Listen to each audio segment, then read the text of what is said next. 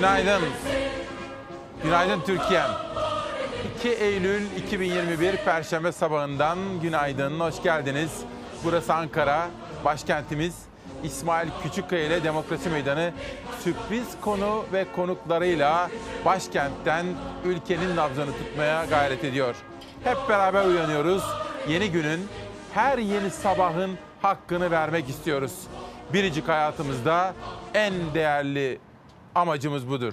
Yaşamın ve uyandığımız sabahın hakkını vermek. Biz aynı zamanda milli bayramlarımızın hakkını vermeye gayret ediyoruz. Onları hakkıyla kutlamamız gerekiyor.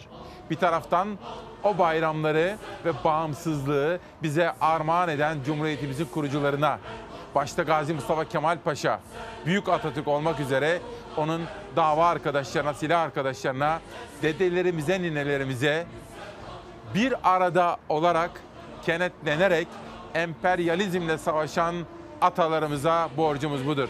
Zafer haftasındayız 30 Ağustos'ta ve o hafta boyunca Ankara'da olacağımı söylemiştik. Yalnızca yarın İstanbul'da olacağız. Çünkü onun sebebini anlatacağım. Özel bir konuğumuzla birlikte Demokrasi Meydanı'nı ağırlayacağız. Efendim günaydın, hoş geldiniz. İzin verirseniz hiç vakit yitirmeden gazeteleri okumaya başlayalım. Her sabah olduğu gibi günün manşetlerini de beraberce okuyacağız.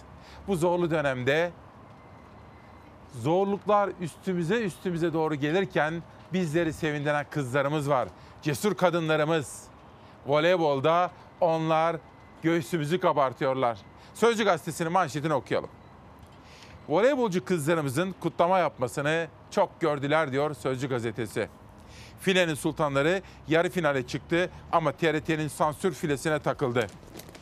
Avrupa Voleybol Şampiyonası'nda Polonya'yı 3-0 yenerek 7'de 7 yapan filenin sultanları galibiyet sonrası İzmir Marşı'nı söyledi. Ancak TRT bu sırada yayını kesti. Ama şunu da ifade edelim. TRT yönetimi özellikle sosyal medyada meydana gelen bu eleştirilerin ardından bir açıklama yaptı ve eleştirilerin haksız, iddiaların da yanlış olduğunu dile getirdi efendim. İlerleyen dakikalarda bu konudaki haberleri de sizlere anlatacağım.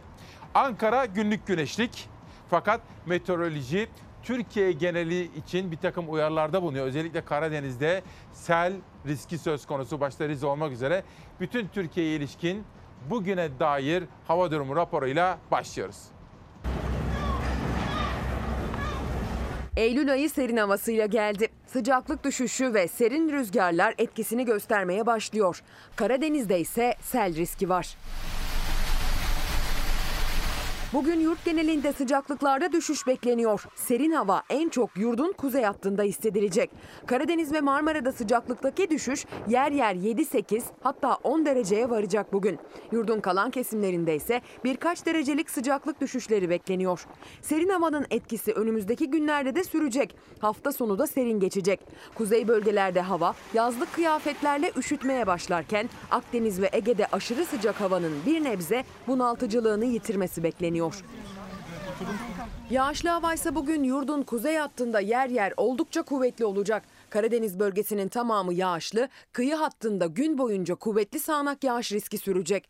Özellikle Batı Karadeniz'in kıyılarıyla Doğu Karadeniz'in kıyı şeridinde tedbir elden bırakılmamalı. Yağışlı hava sadece Karadeniz'de değil, İç Anadolu bölgesinde de etkili olacak. Bölgenin doğu ve güney illerinde yağış geçişleri bekleniyor. Marmara bölgesinin doğusunda İstanbul, Kocaeli, Sakarya çevrelerinde de bulut geçişleri var bugün. Öğleye kadar düşük de olsa yağış ihtimali var. Cuma günü de yağış taşıyan yüklü bulutlar yine yurdun kuzey bölgelerinde görülecek. Günün en erken saatlerinde Marmara'nın doğusu yine Karadeniz üzerinden gelen yağmur bulutlarıyla kapatabilir. İstanbul, Kocaeli, Sakarya çevrelerinde öğleye kadar hafif ve kısa süreli yağış ihtimali var. Karadeniz bölgesinde ise cuma günü de tüm kıyı hatta hava yağışlı. Yağışlar özellikle Doğu Karadeniz'de kendini gösterecek. Samsun'dan itibaren tüm Karadeniz kıyılarında yağış cuma günü zaman zaman kuvvetli sağanak şeklinde düşecek. Özellikle Artvin çevrelerinde bugünkü gibi yarın da tedbir elden bırakılmamalı. Burası Ankara, başkentimiz. Ankara'nın duygusu başkadır. Ankara'nın ruhu başkadır. Burası milli mücadelenin başkentidir. Burada olmanın verdiği heyecan eşsizdir, emsalsizdir efendim. Günaydın. 2 Eylül'de manşetimizi sizlere aktarmak istiyorum. İsmail Küçükkaya ile Demokrasi Meydanı'nda bu sabahki etiketimizi ifade edeceğim. Vatandaş hissediyor mu? Bir kere o zaman şöyle söyleyeyim. Ankara'da olmanın verdiği duygumuzu, coşkumuzu vatandaş hissediyor mu? Ama manşetin nereden çıktığını da şöyle izah edeyim. Dün büyüme rakamları açıklandı. Biz oradan düşündük gündem çalışmamızı yaparken. Acaba bu büyüme rakamlarını vatandaş hissediyor mu? Hissediyor musunuz? Bana yazar mısınız efendim? Günün gazete manşetlerini okumaya devam ediyorum. Erdoğan Bayraktar'ın yapmış olduğu açıklamalar siyasetin gündemini sarsmaya devam ediyor. Dün Demokrasi Meydanı'nın konu olan CHP lideri Kemal Kılıçdaroğlu da bu konudaki eleştirilerini yöneltmişti iktidara.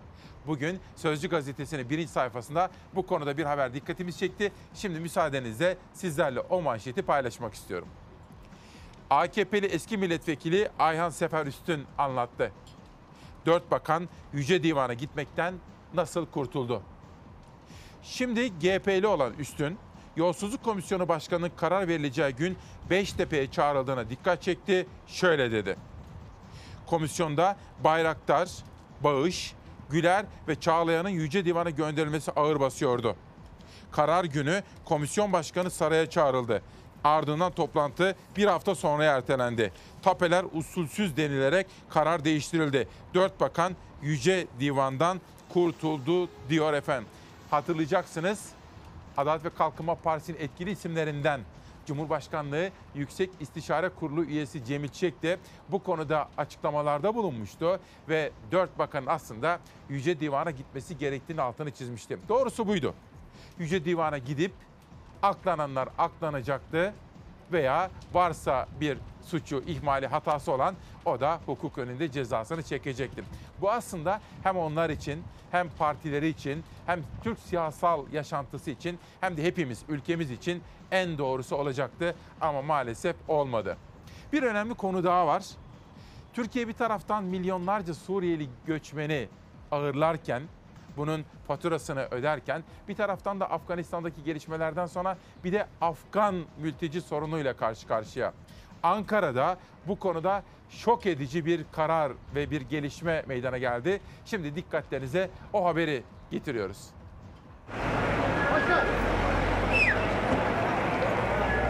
Başkentte yaşayan Suriyeliler için düğmeye basılıyor. Valiliğe bağlı Göç İdaresi Genel Müdürlüğü açıklama yaptı. Başkentteki Suriyeliler kayıtlı oldukları illere gönderilecek.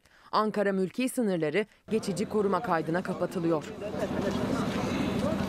İçişleri Bakanlığı bugünden itibaren geçerli olmak üzere başkenti geçici koruma kaydına kapattı. Alınan bir dizi karara göre kaydı başka illerde olup Ankara'da yaşayan Suriyeliler tespit edilecek. Kayıtlı oldukları illere geri gönderilecekler. Düzensiz göçmen olduğu tespit edilenlerse kolluk kuvvetlerince yakalanarak geri gönderme merkezlerine yönlendirilecek. Bunun için Ankara'daki metruk binalarda denetim yapılacak. Göç, uyuşturucu ve asayiş olaylarına kaynaklık eden metruk binalar tespit edilip boşaltılacak, yıkım işlemleri tamamlanacak. Söz konusu yabancılar kayıtları varsa kayıtlı oldukları illere gönderilecek. İş yeri sahibi olan ancak vergi levhası olmayanların tespiti için de çalışma başlatılacak. İşte Ankara manzarası ve size sunduğumuz sansürsüz haberler. Türkiye'nin demokrasi meydanı bu burası. Ve İsmail Küçükkaya ile Çalar Saat ailesi olarak günün ilk selamını hastalarımıza iletmek istiyorum. Kimisi hastanelerde, kimisi diyaliz merkezlerinde, kimisi evlerinde veya farklı ortamlarda onlar tedavilerini sürdüren Çalar Saat ailesi güne bizimle birlikte başlıyorlar. Hayata gönül penceresinden, can penceresinden bakarak sevdiklerimizin etrafımızda nasıl pervane gibi olduğunu düşünerek hayatın ne kadar güzel ve yaşanılası olduğunu ve uğrunda mücadele etmemiz gerektiğini hatırlayarak iyi olacağımızı düşüneceğiz, dualar edeceğiz ve güzel günler göreceğiz efendim. İlk selamımızı hastalarımıza söylemek istiyorum müsaade ederseniz. Geçmişler olsun. Hürriyet gazetesi bugün okuyacağım ikinci gazete. Taliban kararttı manşetini görüyorum gazetenin birinci sayfasında. İşte Kabil'in ertesi günü.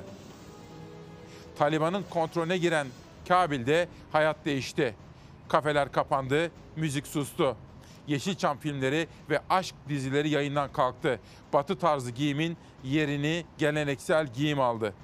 İşte bakın ne kadar karartıcı, ne kadar kaygı verici bir gelişme. Ama bir taraftan Afganistan'daki gelişmeleri dikkatle ve kaygıyla da izlerken ülkemizin sahip olduğu değerleri de gözümüzün nuru gibi korumamız gerektiğini altını çizmemiz gerekiyor. Gerçekten de şu anda başkentteyiz ve burada Atatürk Türkiye'sinin vizyonunu, Cumhuriyetimizin kurucularının başta kadın erkek eşitliğine verdikleri önem, kadınların toplumsal bütün pozisyonlarda yer alması için ne kadar büyük özverilerde bulunduklarını, siyasal hayata katılım, kamu görevlerindeki en yüksek makamlara kadar kadınların yükselebildiği bir Türkiye tablosu. Cumhuriyetimizin kurucularına borçluyuz. Afganistan'da yaşananları, İran'da yaşananları gördükçe ülkemizin ve cumhuriyetimizin kıymetini daha çok anlamamız gerekiyor. Dolayısıyla onlara borcumuz bu güzel ülkeyi daha ileri noktalara taşımaktır diyorum efendim. Sırada bir de sağlık haberimiz var. Korona ile mücadelede maalesef işler istediğimiz gibi gitmiyor. Devletimiz bütün imkanlarını seferber ederek herkesi aşılama imkanını sağladı aslında. Herkes aşısını olabilir. Bir taraftan aşı karşıtları mücadelelerini sürdürüyorlar maalesef. Ama bir taraftan da tedbirsizler var. Üzülerek ifade etmek zorundayım ki vaka sayısı artarken ölüm sayısı da koronavirüsten dolayı ölüm sayısı da çok üzülerek söyleyeceğim ki 300'lere yaklaştı. Keşke aşı olsaydım. Hani en azından koronayı bu kadar kötü bir şekilde atlatmazdım. Vaka sayılarındaki artış evet dikkat çekici. Yoğun bakıma yatan hastaların ve entübe olan hastaların yüzde yüzü aşısız. Birebir koronavirüs hastalığını tedavi eden doktorlar işte bu kadar net konuşuyor. Yaşam mücadelesi veren ağır hastaların tamamı aşısız. Üstelik vaka sayıları da tam da eğitim öğretim dönemi başlarken yeniden 24 bine dayandı. Vefat sayısı günde 300'e yaklaştı. Sadece son 24 saatte 290 hasta daha hayatını kaybetti. Çoğunluğu hem kronik bir hastalığı olan hem de aşısız olan kişiler maalesef hayatını kaybedenlerin. Aşı yapmak tek başına çözüm değil. Aşının zamanlaması ve rapel dozların, tekrar dozlarında zamanında yapılması gerekiyor. Aşılar tüm dozları tamamlanıp 14 gün geçtikten sonra bağışıklık sağlanıyor. Ancak aşılanmayanlar, dozlarını ihmal edenler ya da aşılandım diye tedbiri hemen elden bırakanlar virüsten kaçamıyor. Enfeksiyon hastalıkları uzmanı Profesör Doktor İftihar Köksal'ın görev yaptığı hastanede ağır hastaların hepsi aşısız. Yoğun bakıma yatırdığımız 20 hastanın 4'ü aşısız hasta. Ee, geriye kalanı eksik aşılı hastalar. Yani tek aşısını yaptırmış ya da ikinci aşısını yaptırmış ama üzerinden henüz zaman geçmeden e, virüsü almış olan hastalar. İki aşısını yaptırıp bir şekilde virüsle bulaşmış olan hiçbir hastamızı da yatırmadık. Aşı ağır hastalığı önlemekle kalmıyor. Virüs yükü düşük olduğu için yakalananın hastalığı bulaştırma olasılığı da düşük oluyor. Yapılan çalışmalar aşı yapılmış olanların e, virüsü bulaştırmasının aşılanmamışlara göre çok az olduğunu ve çok kısa süreli devam ettiğini ortaya koymuştur. Bu nedenle aşı, maske, mesafeye dikkat edildiği zaman bir kişinin COVID-19 hastası olması imkanı yok. Sen kobay oldun diye ben de mi kobay olayım? Sürekli değişime uğradığı söylenen virüse karşı aşının ne faydası olacak? Sakarya Ampute Engelliler Spor Kulübü kaleci antrenörü Hüsnü Mutlu da aşı karşıtı paylaşımlar yapıyor, kobay olmayacağım diyordu. Mutasyonlarda da etkili olmasına rağmen aşı yaptırmadı. Koronavirüs nedeniyle hayatını kaybetti. Bingöl'de ise koronavirüse yakalanan hamile kadın aşı çağrısı yaptı. Çünkü artık zararı olmadığına yönelik veriler sayesinde hamilelere de aşı öneriliyor. Bütün hamile bayanlara sesleniyorum. 3 aydan sonra muhakkak aşılarını olsunlar. Her gün paylaşılan harita ise uzmanlara göre aldatıcı bir rahatlamaya yol açıyor. Çünkü o harita risk haritası değil ve iler maviye tek doz aşılamaya göre boyanıyor. Mavi harita bizi kesinlikle yanıltmasın. Çünkü e, hani algı farkındalığı yaratarak insanları rehavete sürükleyebilir. Biz henüz aşımızı %50 oranında bile tamamlayamadık. O nedenle bütün önlemleri almak zorundayız ve aşılamayı da koşar adımlarla hızlandırmamız gerekiyor. Ankara Kalesi'nden bir manzarayla sizleri selamlıyoruz. Ankaralılar hoş geldin diyorlar. Her birine içtenlikle teşekkür ediyorum. 2 Eylül 2021 Perşembe sabahında Demokrasi Meydanı'ndayız. Şimdi şunu söylemeden geçemeyeceğim. Günlük koronadan kaynaklı ölüm vakaları 300'e yaklaştı.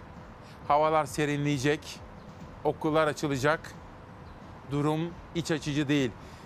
Bir kere herkes aşısını olsun sevdiklerini aşı olmaya ikna etsin. Kapalı ortamlardan, kalabalık ortamlardan uzak duralım.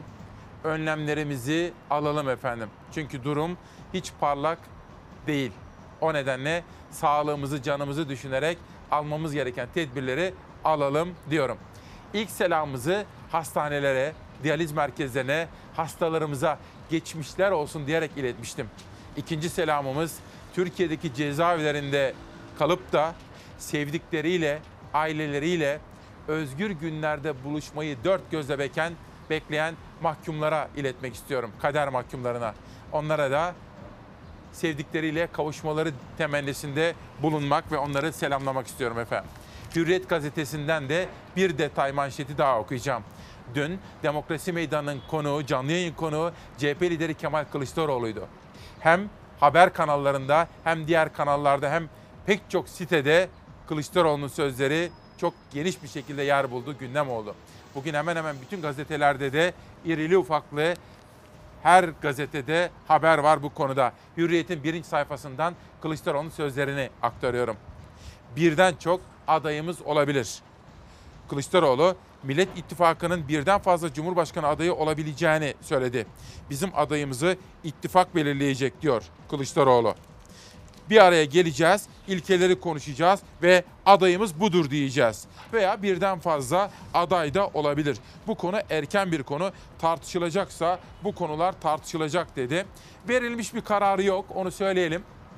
Çünkü başta Akşener ve Temel Karamollaoğlu olmak üzere dostlarımız dediği diğer liderlerle görüşerek uygun prensipler etrafında Cumhurbaşkanı adaylığı konusunu netleştireceklerini ama bunun için henüz çok erken olduğunu söylüyor CHP lideri Kılıçdaroğlu. Sıra geldi Cumhuriyet Gazetesi'ne. AKP ilk kez 2002'nin gerisine düştü diyor İpek Özbey'in imzasını taşıyan Cumhuriyet'in birinci sayfa manşeti. Siyasal iletişim uzmanı İbrahim Uslu, AKP'nin oy oranının ilk kez %33'e kadar indiğini söylüyor. İbrahim Uslu, AKP'nin 2002'de ilk seçildiğinde aldığı %34.7'lik oy direnç noktasıydı. Bu açıdan anlamlı bir düşüş. Seçmen yangın ve seldeki yönetimi yetersiz buldu. Afgan göçmen konusunda rahatsız dedi.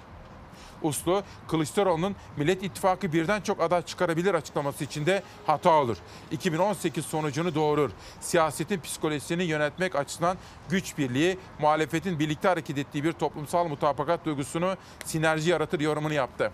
Burada şöyle bir bilgilendirme yapmak durumundayım. Biz gerek yayında gerekse reklam aralarında ve yayından sonra Kılıçdaroğlu'nun makam odasında genel yayın yönetmeni Doğan Şentürk ve Ankara temsilcimiz Tülay Ünal Öçten'le birlikte sohbet ettik. Orada da durum daha da netleşti. Şöyle özetleyeyim.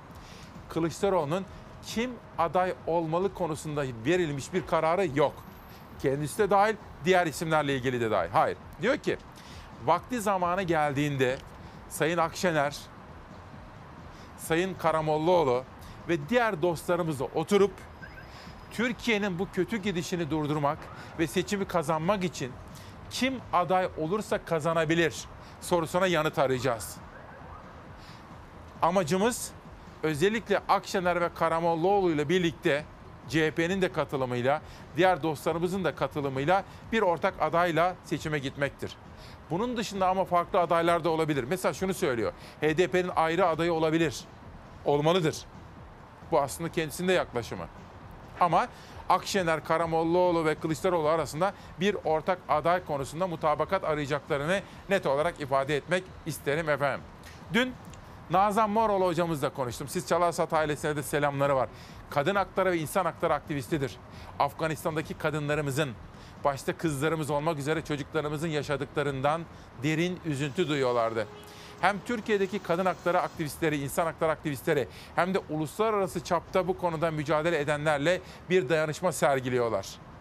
Ve ben de sosyal medyadan onlara destek veriyorum. İstanbul stüdyo- stüdyomuza gittiğimiz zaman oradaki görselleri de sizlere anlatma imkanı bulacağım. Onların bu konudaki çabalarını destekleyeceğiz. Söz Afganistan'dan ve kadınlarımızdan açılmışken.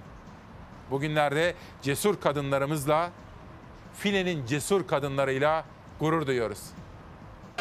Hadi bunu değerlendirelim.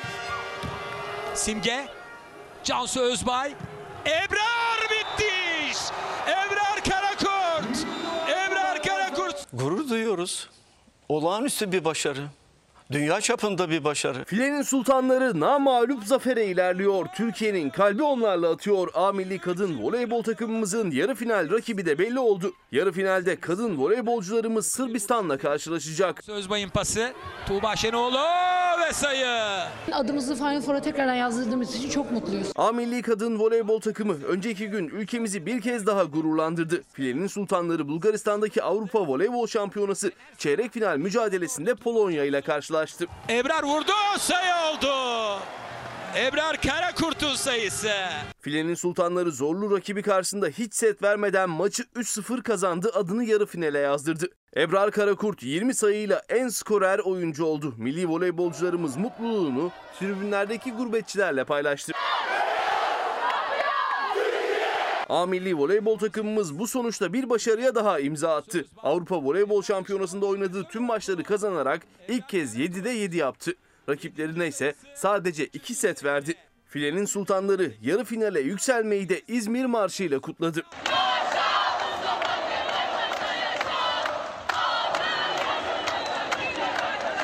Tüm Türkiye'nin kalbi de onlarla atıyor. Herkes onlarla gurur duyuyor. Bununla gurur duymamak mümkün mü? Sevilmemek mümkün mü? Seviniyoruz, gurur duyuyoruz. Kadın voleybolcularımızın yarı final rakibi de belli oldu. Çeyrek finalde dün Fransa'yı yenen Sırbistan yarın milli takımımızın yarı final rakibi olacak. Bugün vatandaş hissediyor mu dedik. Tabii ekonomik büyümeden kaynaklı bir manşet attık ama işte atamız, Anıtkabir, Ankara'mız, Ankara başkent. Anadolu ruhu, Kuvayi Milliye ruhu işte burada canlandı ve emperyalizmle savaşım burada özellikle Türkiye Büyük Millet Meclisi'ndeki o büyük kenetlenmeyle dalga dalga yurdumuza yayıldı ve bir büyük destanı hep beraber inşa etti atalarımız efendim. Bir de siyasetin güncel gündem maddelerinden birisi eski bakanlardan Erdoğan Bayraktar'ın 17-25 Aralık sürecine dair yapmış olduğu açıklamalar. Cemil Çiğ'in burada yapmış olduğu bir çıkış, muhalefet. İşte dün burada demokrasi meydanında CHP lideri Kılıçdaroğlu'nun yapmış olduğu açıklamalar. Akabinde diğer muhalefet liderlerinin mesela Temel Karamollaoğlu'nun yapmış olduğu açıklamalar. Siyasetin temel gündem maddelerinden Erdoğan Bayraktar haberiyle devam ediyoruz. Bayraktar'ın kızdığı nokta şu. Beni diğer üç bakanla niye yan yana koyuyor? Benim suçum varsa görevi kötüye kullanma suçudur diyor. Bütün bunların dokümanları, tapeler, paralar hepsi doğrudur diyor. Takipsizlik kararının kaldırılıp yeniden soruşturma açılması için o zamana kadar yeni delillerin ortaya çıkması lazım. O zaman belki bu tartışılır. 17-25 Aralık sürecinde suçlanan bakanlar hakkında takipsizlik kararı veren Meclis Komisyonu'nun AK Partili Başkanı Hakkı Köylü Doğçe Velli'ye konuştu. Yeni delil ortaya çıkarsa soruşturma açılır dedi. Muhalefet Erdoğan Bayraktar'ın açıklamaları yeni delil diyor. Dosyamda ne varsa hem tapeler hem teknik takip doğrudur. Hem de benim telefon konuşmalarım A'dan Z'ye kadar doğrudur. Faillerden bir tanesi itirafta bulunarak dosyamızda ne varsa doğrudur diyor. Savcılar daha fazla neyi bekliyor? 17-25 Aralık sürecinde rüşvet, yolsuzluk ve görevi kötüye kullanma suçlamalarında adı geçen 4 bakandan biriydi Erdoğan Bayraktar. Soruşturma dosyasında var olan imar planlarının büyük bir bölümü Sayın Başbakan'ın talimatıyla yapılmıştır. Sayın Başbakan'ın istifa etmesi gerektiğine inandığımı ifade ediyor. 2013 yılında hakkındaki suçlamaya karşı dönemin Başbakanı Erdoğan'a istifa etmesi gerektiğini söyleyen Bayraktar 7 yıl sonra yeni açıklamalarıyla gündemde. Hakkındaki suçlamanın diğer 3 bakan gibi rüşvet ve yolsuzluk olmadığını, görevi kötüye kullanma olduğunu ve dosyasındaki tüm delillerin de doğru olduğunu söyledi. Benim dosyamda hırsızlık yok. Görevi kötüye kullanma var. Reis, Sayın Cumhurbaşkanım beni hırsız çuvalının içine koydu ve attı. Hükümetin üzerine düşen de bu iddiaların üzerine gitmek, burada hakikaten suçluları tespit edip cezalandırmaktır. O dönem 4 bakanın Yüce Divan'a gönderilmesi için kurulan komisyonun başkanı AK Partili Hakkı Köylü Bayraktar'ın açıklamaları sonrası verilen takipsizlik kararı hukuki de açıklaması yaptı. Eski AK Partili Ayhan Seferüstü ise bakanlar Yüce Divan'a gönderilecekti ancak komisyon başkanı toplantı günü Beştepe'ye çağrıldı ve toplantıdan takipsizlik çıktı dedi. Gönderemiyorlar Yüce Divan'a. Çünkü Yüce Divan'a gönderirsen işin ucu sana kadar gelecek. Tehdidi yapıldı ben bunu biliyorum. Gönderemezsin. Gönderirsen biz de konuşuruz. Zaman aşımı çok uzun. 15 sene. Yeni çok delil çıkar. Bu açıklamaların böyle üstü örtülüp gider mi? Gitmez. Adalet ve Kalkınma Partisi iktidarının son bulmasıyla beraber çok daha fazla cesaret bulup açıklayanlar da olacaktır. Cumhurbaşkanlığı Yüksek İstişare Kurulu üyesi Cemil Çiçek, bakanlar Yüce Divan'da yargılanmalıydı diyor. AK Partili Hakkı Köylü yeni deliller ortaya çıkması halinde soruşturmanın yeniden açılabileceğini söylüyor. Muhalefete göre Bayraktar'ın dosyamdaki her şey doğru sözleri yeni delil. Erdoğan Bayraktar meselesi, onun yaptığı açıklamalar önemli. Muhalefet bu konuda üzerine gidiyor. Şimdi Mustafa kardeşimiz bir mesaj atmış. Ankara'da olmanın verdiği coşkunuzu hissedebiliyoruz diyor. Vatandaş hissediyor mu şeklinde bir soru yöneltmiştik. Şimdi Ankara böyle. İşte günlerden beri Ankara'da siyasetin nabzını da tutmaya çalışıyoruz. Tabii daha pek çok kişi ve kesimle görüşmeler yapıyoruz. Ama Ankara'da nereye gitseniz haberdir. Ben hani muhabirlik günlerimi burada yaşadığım için 20 yıl boyunca burada çalıştım ben. Şimdi mesela dün akşam işte kardeşlerimi yemeğe götürdüm artık en son bütün işler güçler. Çünkü yavaş yavaş İstanbul'a da döneceğiz. Fakat bir hareketlilik gördüm.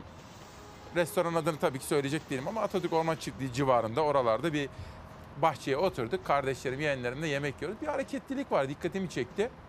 Korumalar vesaire. Şimdi Ankara'da alışık olduğumuz bir sahnedir. Sonra yavaşça bir gittim baktım. Aa kimler kimler kimler yemek yiyor. Bir tane bakan. Bir tane önemli bir bakan. Bir tane Erdoğan'a en yakın isimlerden birisi. Bir tane bir büyükelçi. Türkiye'yi dünyada temsil eden bir büyükelçi. Bir tane eski bakan. Bir de tanımadığım birisi daha vardı. Beş kişi yemek yiyorlardı. Önce uzaktan bir baktım sana dedim ki yanlarına gidip en azından bir afiyet olsun diyeyim dedim. Tabii kim olduklarını size söyleyemem. Yani hani bir konu olsa söylerim ama hani gittim yanlarına iyi akşamlar dedim. Aa İsmail Bey hoş geldiniz işte buyurun dediler ama yok sağ olun dedim. Ben hani ailemle yemek yiyorum size rahatsız etmek istemedim. Ama öyle bir onlara bir selam verdim onu söyleyeyim. Ankara böyle bir yer. Bir gün gazetesinin manşetiyle devam ediyoruz. 2 Eylül 2021 Perşembe sabahında İsmail Küçükkaya ile Demokrasi Meydanı gazete manşetleriyle haber yolculuğunu sürdürüyor. Büyüme yalanı salçaya takıldı manşetini atmış Bir Gün Gazetesi'nin editörleri. TÜİK'e göre ikinci çeyrekte %21.7 büyüdük. Oysa gerçekler çok farklı. İşsizlik, pahalılık, enflasyon sarmalındaki yurttaş konserve dahi yapamıyor. Şimdi bu detayları birazcık okumak istiyorum sizlere. Artan hayat pahalılığı can yakarken İstanbul'un enflasyonu son 27 ayın zirvesine ulaştı. Ticaret Odası verilerine göre mega kentte Ağustos ayında perakende fiyatlar aylık %1.88 arttı. Yıllık enflasyon %18.89 artarak Mayıs 2019'dan bu yana en yüksek seviyesine çıktı. Ziraat Odaları Birliği'nin Ağustos ayı üretici market fiyatları karşılaştırması halkın marul ve sivri biberi 3.3 kat. Tekrar okuyorum burayı.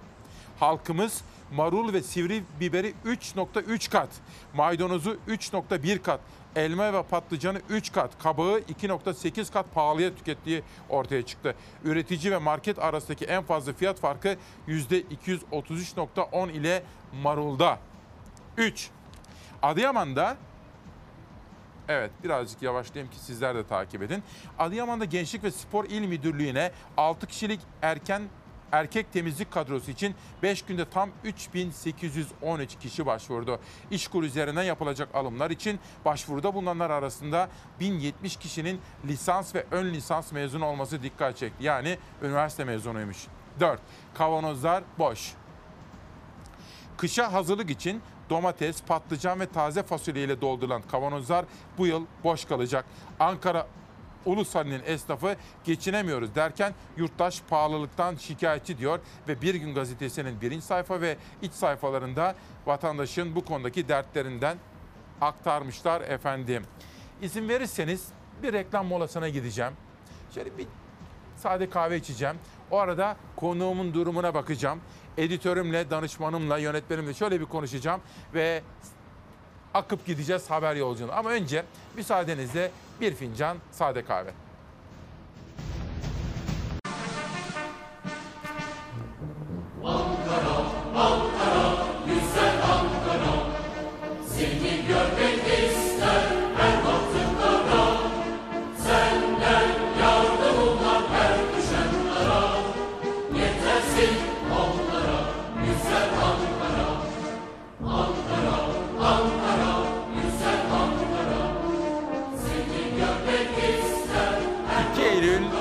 2021 Perşembe sabahından Ankara'dan, başkentimizden günaydın. Başta Cumhuriyetimizin kurucusu, büyük önderimiz, rol modelimiz Gazi Mustafa Kemal Atatürk olmak üzere bütün milli mücadele kahramanlarımızı, şehit ve gazilerimizi en derin saygılarla anıyoruz efendim. Ankara'da olmamızın duygusunu, coşkusunu, başkentte olmamızın ruhunu vatandaş hissediyor mu? Manşetimiz bu. Demokrasi meydanında bugün ekonomideki büyüme rakamlarını vatandaşımız hissediyor mu şeklindeki bir etiketle yola çıkarak haber yolculuğumuzu hazırladık. Hafta boyunca ekip arkadaşlarımızla birlikte Ankara'nın nabzını tutmaya gayret ediyoruz. Bu sabahta demokrasi meydanında yine aynı bilinç ve sorumluluk duygusuyla haberlerimizi sürdüreceğiz. Demokrasi meydanında ilerleyen dakikalarda bir konuğumuz da olacak ve gündemi kendisiyle değerlendirme imkanı bulacağız. Günaydın efendim, hoş geldiniz. Haber yolculuğumuza maalesef orman yangınları haberiyle devam ediyoruz. 1 Eylül'de pek çok noktada yine alevlerle mücadele vardı. Günlerdir mücadelenin sürdüğü pek çok yangından yürek serinleten haberler gelse de Hakkari Şemdinli'den ve Tunceli'den alevlerle mücadelenin sürdüğü haberleri de gelmeye devam etti. Tunceli günlerdir yangınla mücadele ediyor. Bu kez Pülümür ve Aktuluk'tan geldi yangın haberleri. Yüksek gerilim hattından çıkan kıvılcımlarla merkez Aktuluk bölgesinde yangın çıktı. Neyse ki havadan ve karadan müdahaleyle 2 saat içinde tamamen kontrol altına alındı.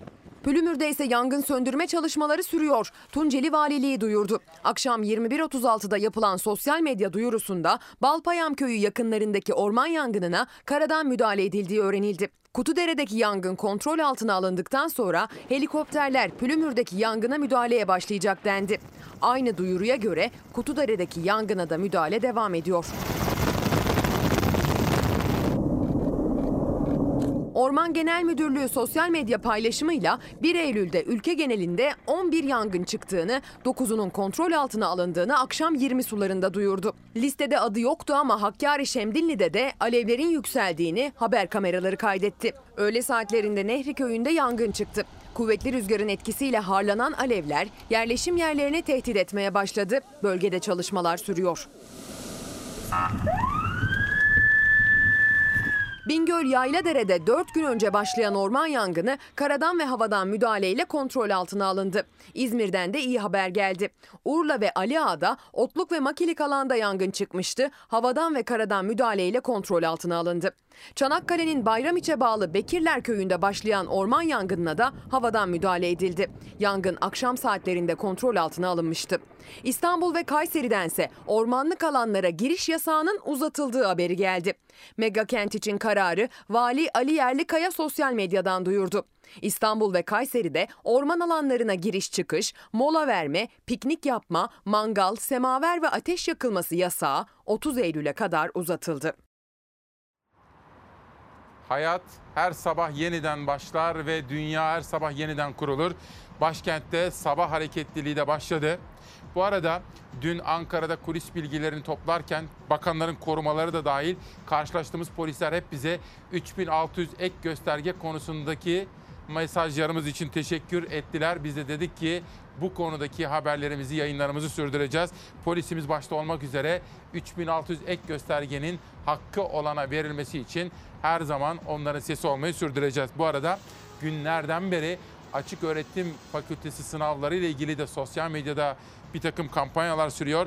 Bahar Timur da diyor ki günaydın Anadolu Üniversitesi milyonlarca açık öğretim fakültesi öğrencisini yüz yüze sınava tabi tutuyor.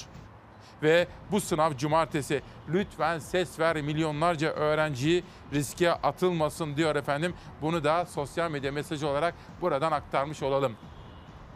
Dün tam da Kılıçdaroğlu'yla Demokrasi Meydanı'ndaki yayınımız devam ederken bir taraftan Anadolu Ajansı'na gözüm takıldı. Takip ediyordum gelişmeleri.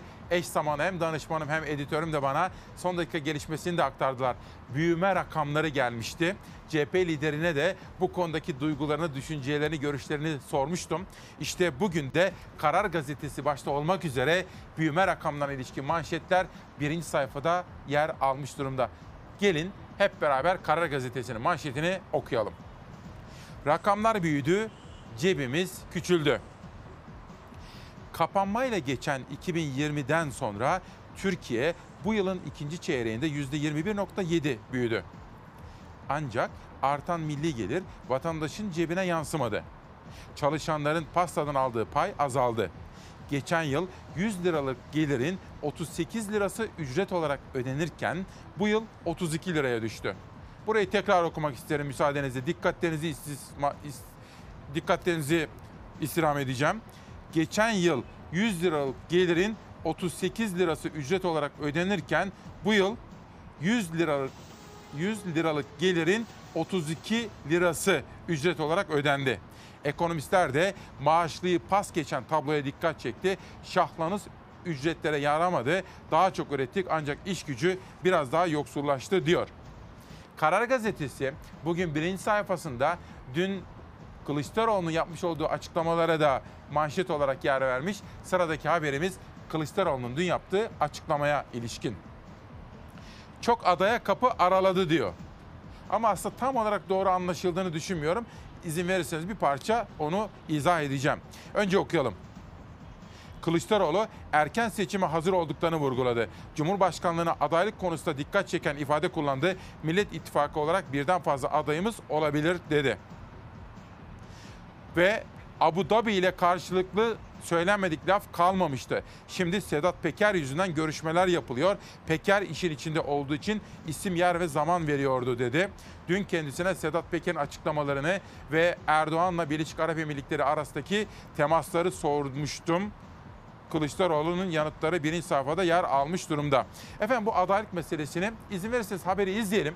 Haberden sonra sizlere bir parça anlatayım. Çünkü Kılıçdaroğlu ile yayında, yayın öncesinde, reklam aralarında ve yayın bittikten sonra Doğan Şentürk, Tülay Ünal Öçten ve ben kahve içtik. Kahve davetinde bulunduk Kılıçdaroğlu. Orada da konuştuk. Durum netleşti. Ben size şimdi onu anlatacağım. Ama önce Afganistan ve orada yaşanan gelişmeler, Türkiye'yi bekleyen potansiyel mülteci krizi ve Ankara'nın aldığı tedbirler. Bu haberi izliyoruz. Dönüşte Kılıçdaroğlu aslında adaylık konusunda hangi mesajı verdi? Ben sizlere kısacık naçizane özet yapacağım. Bahçeli diyor mu arkadaş bunları gönder? Diyemiyor. Düzensiz göç hareketliliği kaynağında engellenmelidir. Düzensiz göçün genel başkanımızın ifadesiyle adı konulmamış bir demografik istila olduğunu görmek lazım. Gelen kim?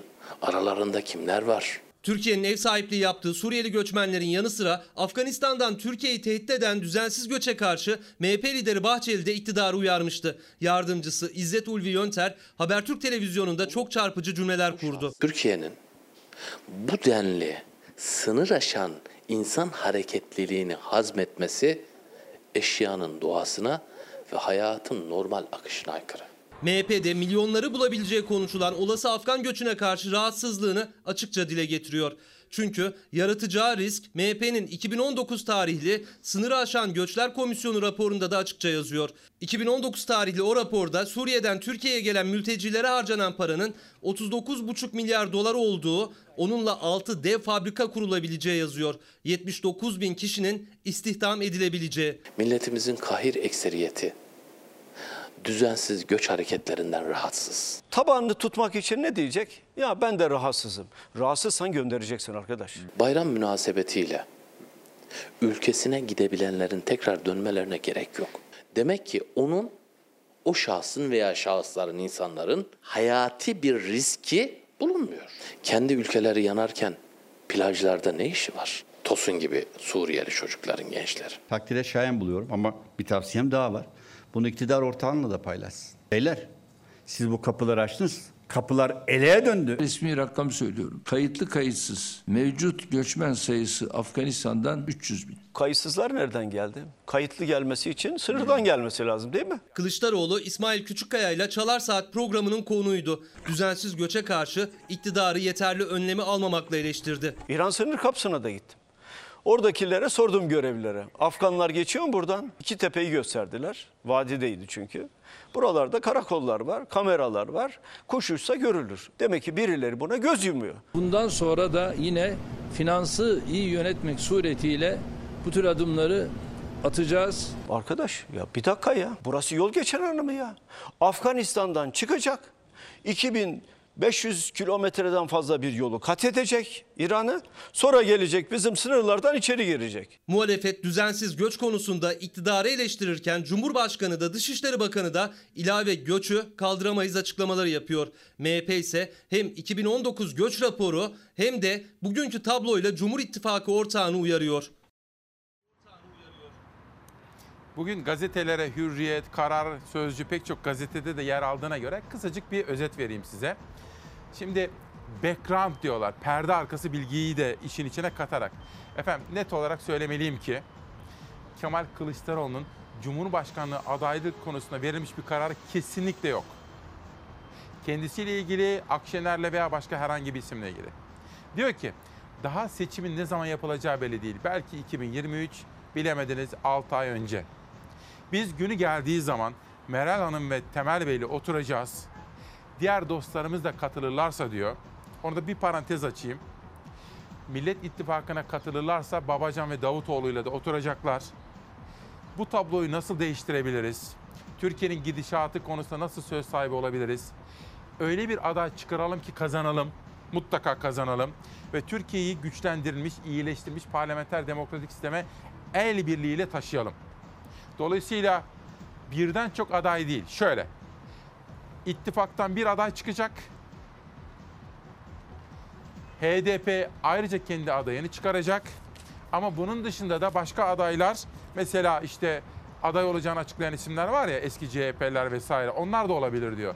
Ama Millet İttifakı birden çok adayla çıksın şekli bir yaklaşım yok. Günü geldiği zaman oturup konuşacaklar, ortak bir adayla çıkacaklar. Ama bunun dışında HDP'nin kendi adayıyla çıkmasını çok önemsiyorlar. Benim anladığım budur. Böylece birinci turda bile Millet İttifakı adayının Cumhur İttifakı adayının önünde çıkacağını iddia ediyor Kılıçdaroğlu. Dolayısıyla bunu da böyle açıklamış olayım. Bu arada tabii Ankara'da olduğum için biraz evvel Mustafa Bey yazmıştı. Ayşe Hanım da yazmış. Ankara'da olmanın verdiği duygunuzu vatandaş hissedebiliyor mu diye sorduk ya hissediyor. Mesela dün Doğan Şentürk'le birlikte yine bir yemekteydik. Orada konuşuyorduk. Hani danışmanım da vardı Nihal Kemaloğlu, Ali Kemaloğlu onlarla böyle sohbet ediyorduk. Ankara'ya geldi. Büyüklerimiz işte Doğan bir takım şeyler söyleyince Hamit Turgut'u hatırlattı Nihal. Dedi ki büyüklerinden nasihat almayı, onlardan yaşam dersi almayı önemser İsmail öteden beri. Hamit Turgut'u haftada bir ziyaret ederdi. Ondan çok şey öğrenir dedi. Başka bir iki isimden bahsediyorduk da günümüzde de. Dolayısıyla Ankara'da olunca dün ben işte yürürken orada Hamit amcamı da hatırladım. Hamit Turgut. Onu da buradan uzaklarda şimdi öte dünyada saygıyla, özlemle, rahmet duygularıyla anıyorum. Başta evladı Serdar Turgut olmak üzere bütün ailesine de bu vesileyle bir selam söylemek istiyorum efendim. Ankara'da olmak işte insanı böyle de duygulandırıyor.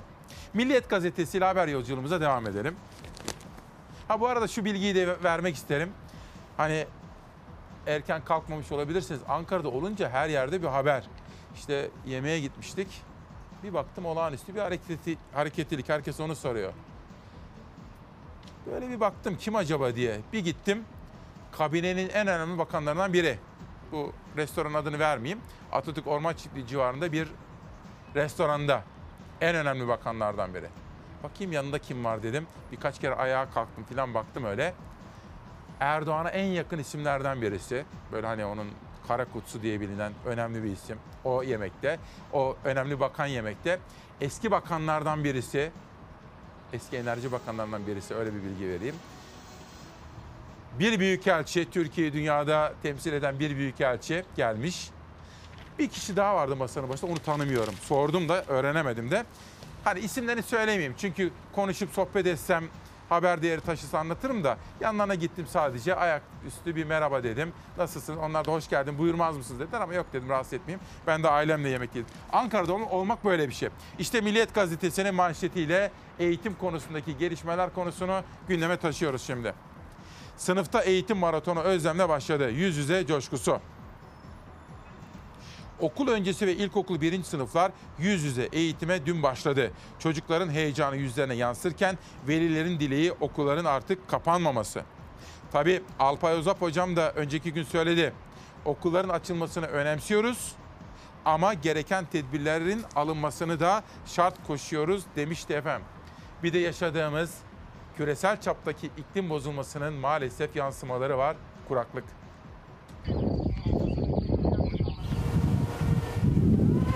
Geçen sene sular daha fazlaydı. Bizim aşağıda bahçemiz var.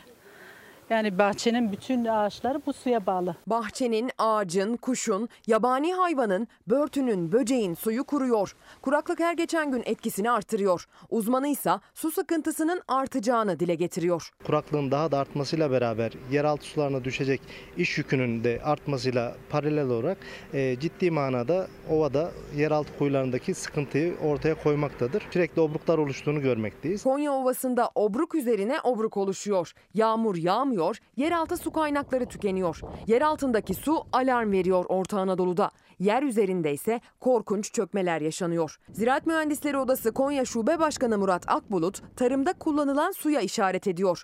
Devlet politikası gerektiğini söylüyor. Gene dönüp dolaşıp üreticilerimiz açısından suyun ekonomik kullandırılması noktasında devlet politikalarımızın hızlıca geliştirilmesi, e, buna dair önlemler alınması, bölgemizde daha az su tüketen bitkilerin ekilişi e, teşvik edilmelidir. Örneğin mısır yetişirken çok su isteyen bir bitki. Yağmur yağdıkça yeraltı su kaynaklarına düşen iş artıyor. Ancak yeraltı suyu Orta Anadolu ve Güneydoğu Anadolu'da çok düşük seviyede. Kurak geçtiği için yeraltı suları çekildi. Ondan dolayı sulayamadı ve verim de alamıyoruz dolayısıyla. Diyarbakırlı üretici Mehmet Kardeşoğlu bu yıl mısırı gerektiği kadar sulayamadı. Rekolte düşünce mısırın fiyatı artsa da çiftçi beklentisinin çok altında hasat yapınca karlılığı düşüyor. Halbuki Bismil Ovası'nda mısır sarı altın diye bilinirdi. Ancak sarı altın artık suyu tükenen bölgelerde üreticinin yüzünü güldürmüyor. Verimler iyi değil. Ağacın verimi düşüyor. Ondan sonra hem kayısı verimi düşüyor. Onun için su önemli yani. Sadece Diyarbakır'da mısır değil, Malatya'da kayısı da verim kaybı yaşayan ürünlerden. Üretici Gülhan Arıkan, Kaldırım Göleti'ne komşu arazisinde ürettiği kayısısından eski verimi alamıyor. Göçmen kuşlarında uğrak mekanı olan Battalgazi ilçesindeki gölet kuraklık nedeniyle metrelerce çekildi. Türkiye'nin kuraklıkla sınavı her geçen gün zorlaşıyor. Kuraklığa karşı çok duyarlı olmamız, çevremizi korumamız gerekiyor. Bakın bir taraftan şimdi Ankara'da olmak çok güzel ama kentlerimizi ne kadar koruyabildik? Onlar ne kadar yeşil kalabildi? Bu da bir başka soru işareti. Çok mu beton yaptık? Aslında son yıllarda işte bunu da sorgulamamız gerekiyor. Ankara'yı tabii ki çok seviyoruz. Ankara tabii ki çok güzel ama kentleşirken çok beton ağırlıklı bir model benimsemek bütün kentlerimizi gidin Bursa'ya maalesef, gidin Urfa'ya, peygamberler şehrine, İstanbul'a, dünyanın en güzel kentine, işte Ankara. Yani bir betonlaşma maalesef bizim en büyük ayıplarımızdan birisi oldu. Kentlere ihanet ettik. Cumhurbaşkanı Erdoğan bunu söylerken haklıydı yani. Gerçekten de öyle. Şimdi yönetmenim Savaş ve İstanbul'daki yönetmenim İrfan da hazır olsunlar. Bir son dakika gelişmesi aktarmak istiyorum. Koronavirüs Bilim Kurulu bugün toplanıyor ve toplantıya Fahrettin Koca Sağlık Bakanı, Milli Eğitim Bakanı da davet etmiş. Yeni atandı biliyorsunuz Milli Eğitim Bakanı ve ayrıca YÖK Başkanı da değişti. Sağlık Bakanı Fahrettin Koca bugün yapılacak toplantıya, bilim kurulu toplantısına Milli Eğitim Bakanı ve YÖK Başkanı da davet etti. Pazartesi günü itibariyle açılacak okullar konusunda alınması gereken tedbirleri tartışacaklar. Akşam ana haberimizde, yarın çalar saatimizde bu konuları çok detaylı olarak sizlere aktarma gayreti içerisinde olacağız. İsmail Küçükkaya Demokrasi Meydanı şimdi Türk Gün Gazetesi'nin siyasete dair %7 seçim barajına ilişkin attığı manşette haber yolculuğuna devam ediyor. Okuyalım. Seçim barajına nokta konuldu. %7 tescillendi. MHP lideri Devlet Bahçeli'nin açıklamaları Türk Gün'ün birinci sayfa manşeti. Bahçeli diyor ki Sayın Cumhurbaşkanımız barajın %7 olacağını açıklamıştır. Nitekim baraj konusundaki arayış ve çalışmalar bu açıklamayla noktalanmış ve Cumhur İttifakı'nın baraj kararı %7 olarak tescillenmiştir diyor. MHP liderinin bu sözleri de birinci sayfada yer almış durumda. Şimdi sırada bir tuhaf haber var. Bunu hani bu sene böyle yorumsuz haberler kategorisi yapacağız ya. Ben susacağım. Haberi sizlere anlatacağım. Sizlerin yorumlarını merak ediyorum. Olay yeri Mersin. Olayın içinde bir polis var. Köpekler var. Ve bir de belediye başkanı var. Büyükşehir Belediye Başkanı. Ve bir soruşturma açılıyor. Haberi izleyeceğiz. Yorumu sizden alacağız. Şimdi anlatacaklarıma sizler de inanmayacaksınız. CHP'li belediye başkanına soruşturma açıldı. Soruşturmanın konusu köpek saldırısı. Belediye başkanı durumu sosyal medya hesabından duyurdu. Muhalefet duruma tepki gösterdi. Mersin'de iki köpek sabah namazını kıldıktan sonra yürüyen bir polis memurunu ürküttüğü için, avladığı için Mersin Büyükşehir Belediye Başkanımız Vahap Seçen'den şikayetçi oldu. Sabah namaza giderken havlayan köpekten ürken polis memurunun şikayeti üzerine valiliğin gönderdiği müfettişe ifade verdim. Korktuğu için beni şikayet eden memura mı, bu şikayeti ciddiye alıp soruşturma açana mı yanayım? Mersin Büyükşehir Belediye Başkanı Vahap Seçer, sabaha karşı gerçekleşen bir köpek saldırısı hakkında valilik müfettişine ifade verdiğini duyurdu. Konu sosyal medyada geniş yankı buldu. Şaka mı, gerçek mi dedim. Sayın Başkan'la konuştum. Gerçek çıktı. Yazıklar olsun. Üstelik ifadesinde belediyemize başvuru yaptığı halde yerine getirilmediğini öne süren bu şahsın başvurusu da Teksim Mersin tarafından aynı gün içinde işleme alınmış ve sonuçlandırılmıştır. Başkan Seçer ilgili şikayetin belediye yetkilileri tarafından aynı gün işleme alındığını da bildirdi. CHP Mersin Milletvekili Ali Mahir başarırsa tepkisini Melih Gökçek örneği üzerinden gösterdi. Attığı imzalarla, verdiği ihalelerle Ankaralı milyarlarca lira zarar ortağı Melik Gökçek hakkında bir tek soruşturma yok. Mersin sokaklarında iki köpeğin havlaması, bir memuru ürkütmesi yüzünden soruşturma açılıyor. Vah benim güzel ülkeme. Bu günün yorum haberi. Bu sene böyle her gün bir tane haber seçeceğim. Ben susacağım. Sizler nasıl yorumluyorsunuz onu merak ediyorum. Aslında ben Vahap Seçer'le de mesajlaştım. Onu, olayın ne olduğunu da anladım hakikaten. Bir Zaytun haberi gibi. Sırada iki haber var. iki gazete manşeti. Önce Milli Gazete. Akabinde Sabah gazetesinin manşetini okuyacağım. Ve sonra sizleri Bursa'ya bir hastaneye götüreceğim. Diyelim hastasınız. Hastaneye kaldırıldınız. Ve acaba neler yaşadınız? Bunun haberi var Bursa'dan. Ama önce Milli Gazete rica edelim. Bu ülkenin adalete ihtiyacı var diyor. Bu arada bütün hakimlerimize, savcılarımıza, avukatlarımıza, adliye çalışanlarına, kalem çalışanlarına buradan yeni sezonun adli yılın da hayırlı uğurlu olmasını diliyorum. Onların da iş yükü çok ağır. Onlar adalet için çalışıyorlar. Dün adli yıl açılışı gerçekleşti. Milli Gazete. Saadet Partisi lideri Temel Karamollaoğlu düzenlediği haftalık olan basın toplantısında ülke ve dünya gündeminin öne çıkan konu başlıkları hakkında değerlendirmelerde bulundu. Yeni adli yıl ile ilgili önemli tespitler yapan Karamollaoğlu, ülkemizde adaletin gerçekleştiği mekanlara da saray deniyor. Elbette hakimlerin çalışma ortamları güzel olmalı ama adalet binanın güzelliğine göre tecelli etmiyor. Bu ülkenin adalete ihtiyacı var dedi. Ne kadar doğru söylemiş aslında değil mi? Hani Yargıtay, Danıştay, Sayıştay, Anayasa Mahkemesi veya adalet sarayları güzel binalarda hizmet versinler ama önce zihniyet, kafa yapısı ve hakimlerimizin, savcılarımızın rahat bırakılması, hiçbir müdahaleye maruz bırakılmaması. Mesela filanca önemli kişinin avukatları filanca davayla ilgili gidip hakimlere, savcılara işaret çakmayacaklar, nasihatte bulunmayacaklar, yönlendirme yapmayacaklar veya Adalet Bakanlığı'nın çok üst düzey bürokratları, daire başkanları, genel müdür yardımcıları onlar da benzeri bir şekilde hiçbir davaya müdahale olmayacaklar. Hayır. Hayır. Hakim ve savcı hukuka göre karar verecek. Bu çok önemli. Yeni adli yıldan beklentimiz budur. Sabah. Yargı reformunun temelinde özgür birey, güçlü toplum var diyor Erdoğan'ın sözleri. Yargıtay yeni hizmet binası ve 2021-2022 adli yıl açılış töreninde yargı reformuna ilişkin mesajlar verdi Cumhurbaşkanı Recep Tayyip Erdoğan. Adalet alanında reform irademizi sürekli canlı tuttuk diyor. Reform stratejimizin temelinde özgür birey, güçlü toplum, daha demokratik bir Türkiye idealinin idealimiz bulunmaktadır diyor. Yeni bir yargı paketi için kolları sıvadık diyor efendim. Peki adli yıl açılışına ilişkin bu haberimizin hemen peşi sıra Bursa'daki o hastaneye dair haberimizi yorumunuza bırakıyorum. Sözde hastanenin önündeyiz. Ne bir sağlık ekibi, ekibi geliyor ne de bir şey. Hastaneden bir kişi çıkıp da yardım etmiyor. Ambulans çağırdık ya hastaneye ambulans çağırdık. Hastanenin tam önünde yere düşüp başını çarptı. İddiaya göre hastaneden hiçbir görevli müdahale etmedi. Hasta yakınları 112 acil ambulansını çağırdı. Yaklaşık bir saat sonra müdahale edilen talihsiz kadın için artık çok geçti. Kadın resmen morarmış hiçbir sağlık ekibi daha gelmedi.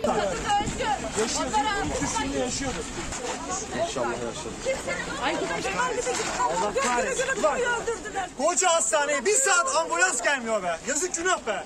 Bahçede yatan bir hanımefendiyi gördük yerde. E, yanına gittiğimizde yaklaşık 10 dakikadır orada yerde yatıyordu. Çağırmışlar ama içeriden kimse müdahale etmiyordu. Bursa Şehir Hastanesi'nin bahçesinde 66 yaşındaki kalp hastası Güllü Gülfidan fenalaştı. Yere yığıldı, başını çarptı, yaralandı. Kadını yerde görenler hastaneden yardım istedi ancak iddiaya göre hastanenin içinde olmadığı gerekçesiyle müdahale edilemeyeceği, 112'nin aranması gerektiği söylendi. Hastaneden bir kişi çıkıp da yardım etmiyor. Düştüğünde nefes alıyordu ama kimseye müdahale ettirmediler. Sorumluluk alacağımızı söylediler güvenlik görevlileri. Yani eylememizi istemediler. Biz hastayı, hastayı içeri taşıyacaktık. Hastaneye de içeriye de girdik. Doktorlar da dışarıda olduğu için biz müdahale edemeyiz dediler. Rezillikti yani Türkçesi. Ne içeri taşınmasına ne de içeriden müdahaleye izin verildiği iddiaya göre üstelik ambulans da geç geldi ve talihsiz kadın için geçirilen bu bir saate yakın sürenin ardından yapılacak hiçbir şey kalmamıştı. Bir saattir orada bekliyoruz. Şimdi mi aklınız başınıza geldi? He? Abi biz müdahale edeceğiz. Ya git şu doktoru getir arkadaşım. Güvenlik değil. Bana çekil de zaman. Bir saattir niye gelmiyorsunuz siz? Bu kadın yaşıyordu. Çekil kardeşim, Senin bu, oğlum bu kadın anne olabilirdi, anne olabilirdi. Hastane lan burası. O ana kadar yardımcı olmayan Bursa Şehir Hastanesi güvenlik görevlileri son anda da çevredekilere zorluk çıkardı. Çek elini. Bana değmezsin. Çek. Çek. Sen sorumlusun. Çek. Çek elini. Çekeceğim. Bu Türkiye'nin rezaleti. Ya sakin. Sen kimsin abi? Senin anın da olabilir. Bacın da olabilir. Neredesiniz? Sakinin ya. Sakini yok. Ya kadın senin annen olabilir. Annen olabilir. Bacın olabilir. Bir saattir ya. Bir saattir yatıyor. Abi sen yardımcı olmak istiyorsan neredesin sabahtan beri abi? Güllü Gülfidan doktorlara bu kadar yakınken ulaşamadı, hayatını kaybetti. Bursa İl Sağlık Müdürlüğü soruşturma başlattı. Drama yani. Ve hanımefendi orada kimseye müdahale etmediği için öldü. Sağlık çalışanlarımızda doktoru, hemşiresi, hasta bakıcısı, idari personeli zorlu fedakarca görevlerde bulunuyorlar.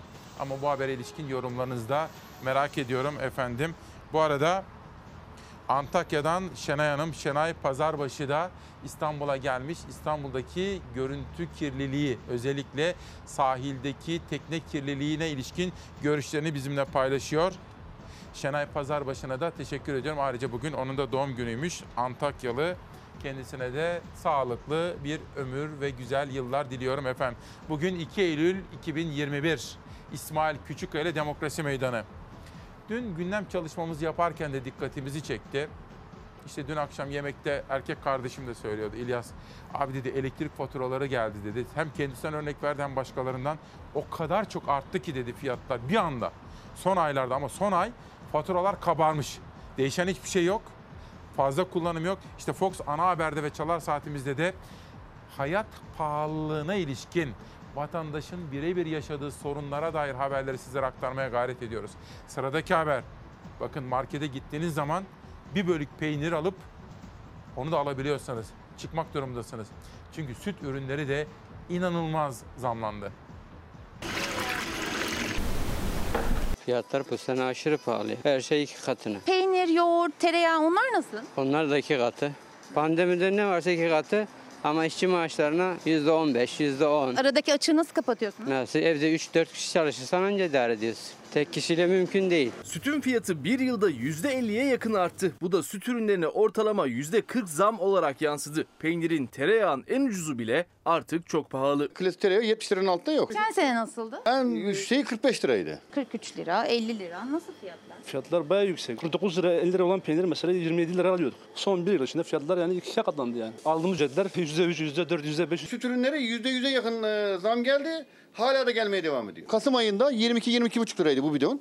Şu anda 32 lira. Çiğ sütün şişesi markette geçen seneye göre 2 lira daha pahalı. TÜİK'e göre bile sütün fiyatı son bir yılda %30 arttı ama tezgahta artış daha da fazla. Sütün litresi geçtiğimiz yıl Temmuz ayında 4,5 liraydı. Şu andaysa 6,5 lira. Yani değişim oranı %44. Yoğurdun fiyatı da yıllık %28 arttı TÜİK'e göre. 6 lira 37 kuruştan 8 lira 16 kuruşa çıktı. Marketteki zamsa yine %44. Benim geçen seneden bu tarafa göre %40'ın altına zam yok. Daha üstüne var altına yok. Biz bir de kendimize feragat ediyoruz. Gelen yani zam birebir üstüne eklesek %40'ı da geçiyor. Bu yoğurdu ben geçen sene 6.75'e satıyordum. Şu anda 9.75. TÜİK'e göre peynirin kilosu 30 lira ama markette 30 liraya peynir bulmak imkansız. Peynir tezgahındaki en ucuz peynir bile 42 lira. Geçen sene 30-35 lira 40 lira tutan vardı 70-75 lira tutuyor. Ben utanıyorum para isterken. Ama bunda benim kar marjım da düştü. Ben de çok zarardayım.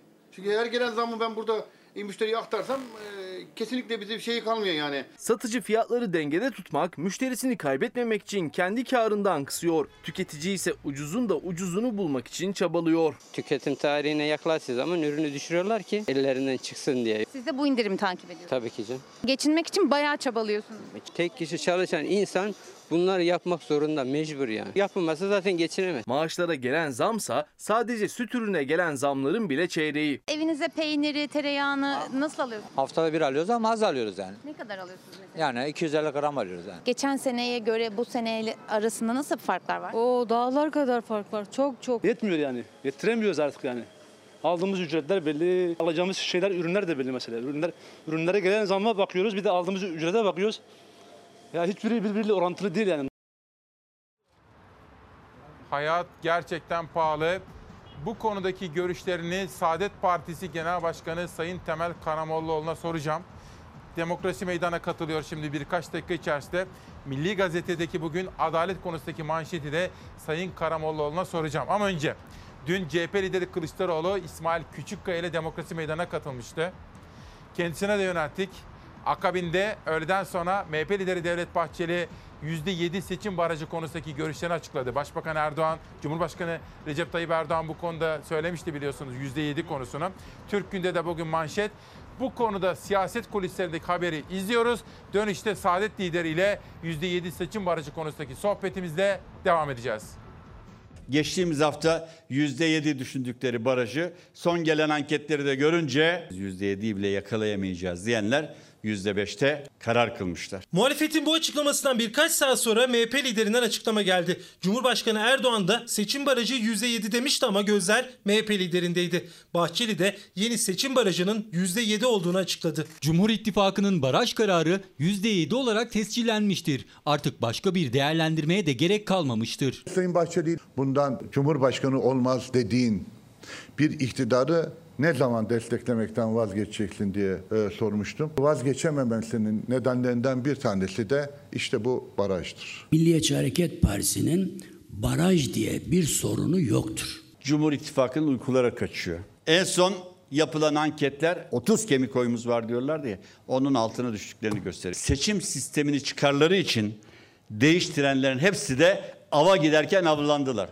Siz de ava giderken avlanacaksınız. Muhalefet seçim barajının temsilde adalet için daha da düşmesi gerektiğini söylüyor. %7 barajı düzenlemesinin meclisin açılmasıyla gündeme gelmesi bekleniyor. Seçim kanunu Ekim ayında çıkarsa 2022 Kasım ayından itibaren yapılacak seçimde bu kanunu uygulayabileceklerini düşünüyorlar. 2022 yılı seçimsiz geçmeyecek. Boşuna uğraşmayın. Seçim Haziran 2023'tür. Siyaset erken seçim tartışmasını da sürdürüyor. İyi Parti Grup Başkan Vekili Lütfü Türkan 2022 iddiasını sürdürürken CHP lideri Kılıçdaroğlu da Fox Çalar Saat programında İsmail Küçükkaya'nın konuydu. Hem seçime hazırız hem iktidara hazırız. Herkesin 6 ayda rahatladığı güzel bir Türkiye inşa edeceğiz. Dostlarımızla beraber. Siz Cumhurbaşkanı adayı mısınız efendim? Bizim adayımızı ittifak belirleyecek. Bir araya geleceğiz. İlkeleri konuşacaksınız. Tabii ilkeleri konuşacağız ve ondan sonra adayımız budur veya birden fazla adayımız olabilir. Dediğim gibi bu konu erken bir konu. Elbette ittifaklar tek bir aday çıkarma konusunda çalışma yaparlar, yapacaklar da. Şimdiden isimler ortaya atılırsa sadece kargaşa ve münakaşa çıkar. Millet İttifakı'nın adayı kim olacak ya da erken seçim olacak mı soruları daha uzun süre konuşulacak ama net olan Cumhur İttifakı'nın %7 seçim barajında anlaştığı. Efendim burası Ankara başkentimiz. Milli mücadele. Dedelerimiz burada işte milli mücadeleyi verdiler. Emperyalizmle savaştılar. Bağımsız Türkiye konusunda ve bugün Saadet Partisi'nin Genel Başkanı Sayın Temel Karamollaoğlu İsmail Küçükkaya ile Demokrasi Meydanı'na geldi. Efendim hoş geldiniz. Hoş bulduk. Nasılsınız? Siz de hoş geldiniz Ankara'ya. Hoş bulduk efendim. evet. Teşekkür ediyorum. Siz de iyisiniz inşallah. İyi Allah'a şükür. Maşallah iyi diri görüyorsunuz. Evet. Nasıl manzaramız? Gözüküyorsun. Va hakikaten ben buradan ilk defa buraya çıkıyorum. Çok güzel Ankara'yı buradan görmek. Bütününü görüyorsunuz neredeyse. Her taraf değil mi? Her tarafı. Çok güzel. Çok güzel bir manzara. Meclisin hemen yanı. Herkese de tepeden bakıyor. İşte biz yapmıyoruz Tepeden onu. Biz bakınca yukarıdan bayağı- bakıp sorunları görelim ama tepeden bakmayalım diye. evet. Kıymetli işiniz nasıl efendim? Elhamdülillah sağ Lütfen olun. selamlarımı sağ olun. iletin. İzliyorsa Teşekkür onu da buradan saygıyla selamlıyoruz. iyiler inşallah. Efendim sizin Evet. görüşlerinizi çok merak ediyorum. Biz yeni sezona başladık. Fox olarak da. Çalar Evet. Saat olarak da. Şimdi Milli Gazete'yi de soracağım. Önce Türk'ün gazetesi. Evet. %7 tescillendi. Evet. Şimdi önce AK Parti lideri ve Cumhurbaşkanı Sayın Erdoğan söyledi. Dün MHP lideri Sayın Bahçeli de ifade etti. Seçim barajına nokta konuldu. %7 tescillendi. Saadet liderinin buradaki yorumu nedir? Yani bir defa şunu hemen ifade edelim. Bizim temel kanaatimiz seçimlerde bir barajın olmaması. Olmaması. Milletin her kesiminin temsil edilmesi icap eder. Milletvekili çıkaracak kadar bir yerde oy alıyorsa bir parti, o kişi seçilmeli, meclise gelmeli. Kendisini seçenlerin de orada temsilcisi olmalı. Elbette milletvekilleri Türkiye'nin milletvekilidir. Sadece kendi illerinden de illerinin değil. Bundan dolayı bir defa bu prensibi hemen ifade edeyim düşüncemizi. İkincisi ise şu anda yüzde yedi barajının olup olmaması, kalıp kalmaması, yüzde on olması, beş olması o kadar önemli değil. Bu bir bütün. Birçok bölge meselesi konuşuluyor. İşte ittifak içinde olup olmama meselesi konuşuluyor. Yani iktidar şu anda Sayın Cumhurbaşkanı kendi gücünü küçük de olsa büyük gösterebilmek için her türlü çareye başvuruyor. Yani bu bir arayış, bu bir çırpınış. Onun için ben yüzde yedi mi oldu, yüzde beş mi oldu, yüzde onda mı kaldı? Önemsemiyorum şahsen. Esas olanı bütününü görmek. Bu ne olacak? Bölge bazında bir şey olacak mı? Sınır, e, ittifaklar konusu nasıl algılanacak?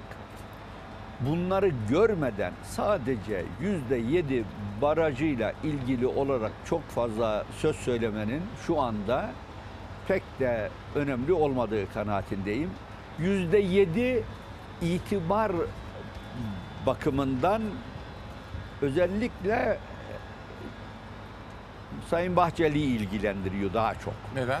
E çünkü yüzde onun altına düştüğü belli. Yani yüzde yedi onu geçme ihtimali var ama altında kalma ihtimali de var. E, bundan Hiç da- olmasa daha mı iyi efendim? Mesela Efendim? barajı kaldırsalar aslında. Evet. Daha mı iyi? Tabii kanaatim öyle. Yani barajın olmaması milletin farklı kesimlerinin düşüncelerinin de meclise yansıması aslında demokrasinin e, gereğidir diye düşünüyorum ben. Peki. Ama bu konu çok fazla üzerine konular aslında önemli konular adeta eskidi. Ekonomi ne diyeceksiniz? Aynı türküyü çağırıyor. İktidarda, muhalefette. Bilmem eğitim aynı türküyü çağırıyor. İktidarda muhal dış politika karma karışık her şey. Bu kadar karmaşanın içinde e, aynı şeyleri her gün tekrar tekrar gündeme getirince e, bu, bu bir farklılık oldu. Yüzde yedi olsun mu olmasın biraz mı? gündem değişti öyle mi? Gündem değişti o kadar. Peki. Eğitimi de, büyüme rakamlarını da sizlere Evet. soracağım ama önemli bir gündü dün. Evet. Adli yıl başladı. Evet. Vatana, millete hayırlı, Hayırlı uğurlu olsun. olsun. Evet. Milli Gazete'nin manşetini okuyup size sormak Evet. istiyorum efendim. Bu ülkenin adalete ihtiyacı var diyor. Evet. Saadet Partisi lideri Temel Karamollaoğlu beton filan önemli değil diyor. Tabii ki yapın, saraylar, hani Adalet Sarayı şu bu Evet, ama evet. içindeki zihniyet önemli diyor. Bunu bir yorumlar mısınız efendim? Ne demek istiyorsunuz? Yani son zamanlarda biz Nasrettin Hoca'yı e, tekrar tekrar hatırlar olduk. Hani Nasrettin Hoca bir yemeğe gitmiş, pek itibar etmemişler.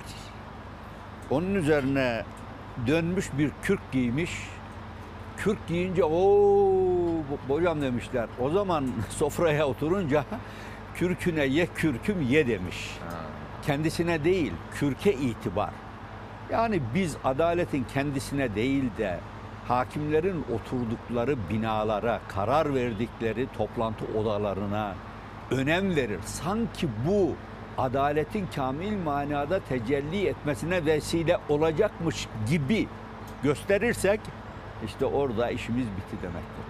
Maalesef e, bu konuda AK Parti başka bir döneme girdi. Artık e, konutlar, yollar, hava alanları, inşaat sahası tükendi. Şimdi ağırlık devlet dairelerine kay- kaydırılıyor. Çok büyük binalar, ihtişamlı binalar. Bunu rant için mi böyle yapıyorlar sizce? Yani rant bunların hepsinde önemli bir rol oynuyor kanaati var. Herkeste var bu kanaat. Çünkü bu kadar büyük binalar çok büyük rantların döneceği yatırımlar. Buralarda nenin kimin eli kimin cebinde her zaman belli olmaz. Şimdi evvelsi gün işte 30 Ağustos vesilesiyle 26 Ağustos vesilesiyle de Sayın Cumhurbaşkanı özellikle Genelkurmay'ın yeni binasını tanıttı. Oranın temel atması gerçekleştirildi.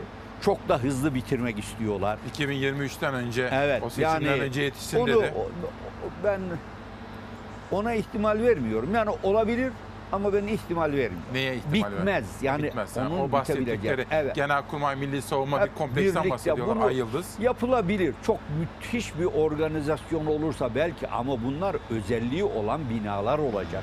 Bu bunların öyle tahmin ederim ki yer altında da yer üstündeki katlar kadar kat olacak. Onun için buralar farklı binalar ama milyarlar dökülecek oraya. Bina bizatihi kendisi belki 30, 40, 50 milyara çıkacak. E bir de onun içinin tefrişi değil, donanımı Önemli. gündeme Dün geldi. efendim Sayın Erdoğan da Sayın Adalet Bakanı Gül de yeni yargı paketinden bahsettiler. İşte Evet. iyileştirmelerden bahsettiler. Bir taraftan da hani özel ilişkinde bir açıklama yapıyorlar ama nasıl yorumluyorsunuz? Şimdi aynı şeyleri tekrarlıyoruz. Lafla peynir gemisi yürümez. Bizim adalet denildiği zaman icraata ihtiyaç var. Adalet binalarla da gerçekleşmez, lafla da gerçekleşmez. Adalet zihinlerde yatar, tavırdır. Siz bir defa adil olmaya karar verdiğiniz zaman affedersiniz kümesin içinde bile adaleti gerçekleştiririz. Öyle saraya ihtiyaç yok. Biz Sayın Cumhurbaşkanı inançlı bir insan. Geçmişe baktığı zaman Peygamber Efendimizin dönemini iyi hatırlar. Hazreti Ömer adaletten bahseder. Hazreti Ömer Efendimiz yani dışarıdan gelen bir elçiyi kabul edeceği zaman bir yerde yatmış uyuyormuş. Demiş, bu mu demişler yani sizin başınızdaki insan? Evet o. Bir kadının Ömer'den Ömer'i tanımadan açlığından dolayı şikayet ettiğini gece öğrenince sırtına çuvala almış evine götürmüş. Açlıkla uğraşmak bu demek. Yoksa siz imkanlarımız var. Kimin ihtiyacı varsa gelsin görürsün. Açım diyen haksızlık yapıyor, ihanet ediyor. Ya bu- bununla yürümez ki. Adalet tekrar söylüyorum. insanların içinde olmalıdır. Tavırlarında olmalıdır. Bu bir zihniyet meselesidir. Bina değil. Kalem değil. Bir de efendim ekonomi. Dün son dakika gelişmesi olarak aktardık. Bugün Milli Gazete'de başka pek çok gazetede de var. Evet. Şimdi siz halkla çok yakın temasta olan bir lidersiniz. Çok turlar da yapıyorsunuz Evet. Anadolu'ya, Rumeli'ye. Dün %21.7 büyüme rakamları açıklandı. Evet. Bunu nasıl yorumluyorsunuz? Bu sizin gördüğünüz tabloyla uyumlu mu? Ben burada ben burada herhalde TÜİK'i tebrik etmek istiyorum. Yani bu işi nasıl başarıyorlar? o konuda şaşkınlık duyduğum için. Yalnız şunu da ifade edeyim. Yani siz rakamları eğip bükerek biz sanki büyük hamleler yapıyormuşuz intibanı oluşturmaya çalışabilirsiniz. Ama insanlar eğer ihtiyaçlarını gideremiyorlarsa, yoksullarsa onlar yine biz açız, biz yoksuluz demeye devam ederler.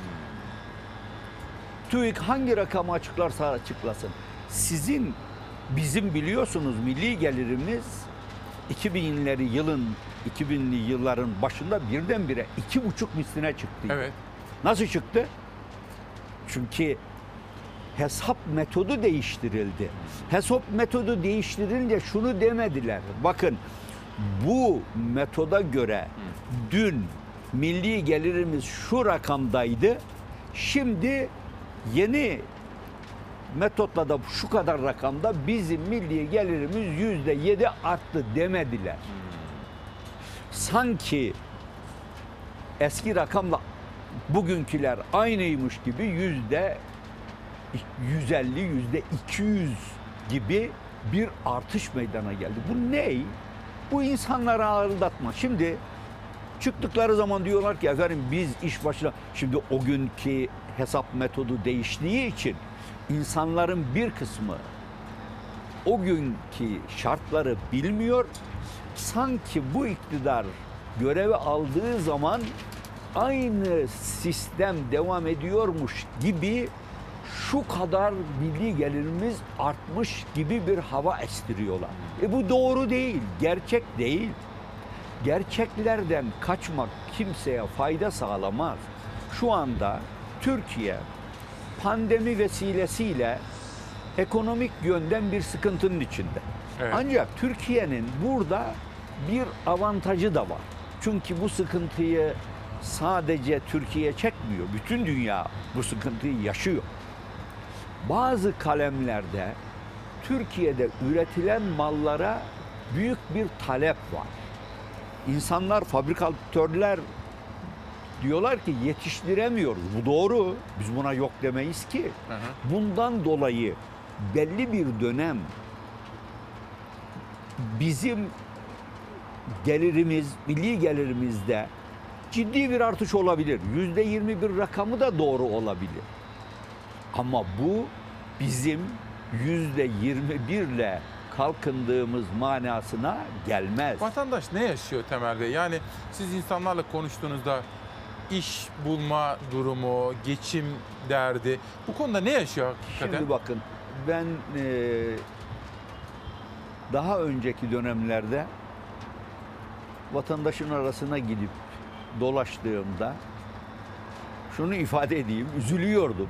Ciddi tepkiyle karşılaşıyor. karşılaşıyor bu.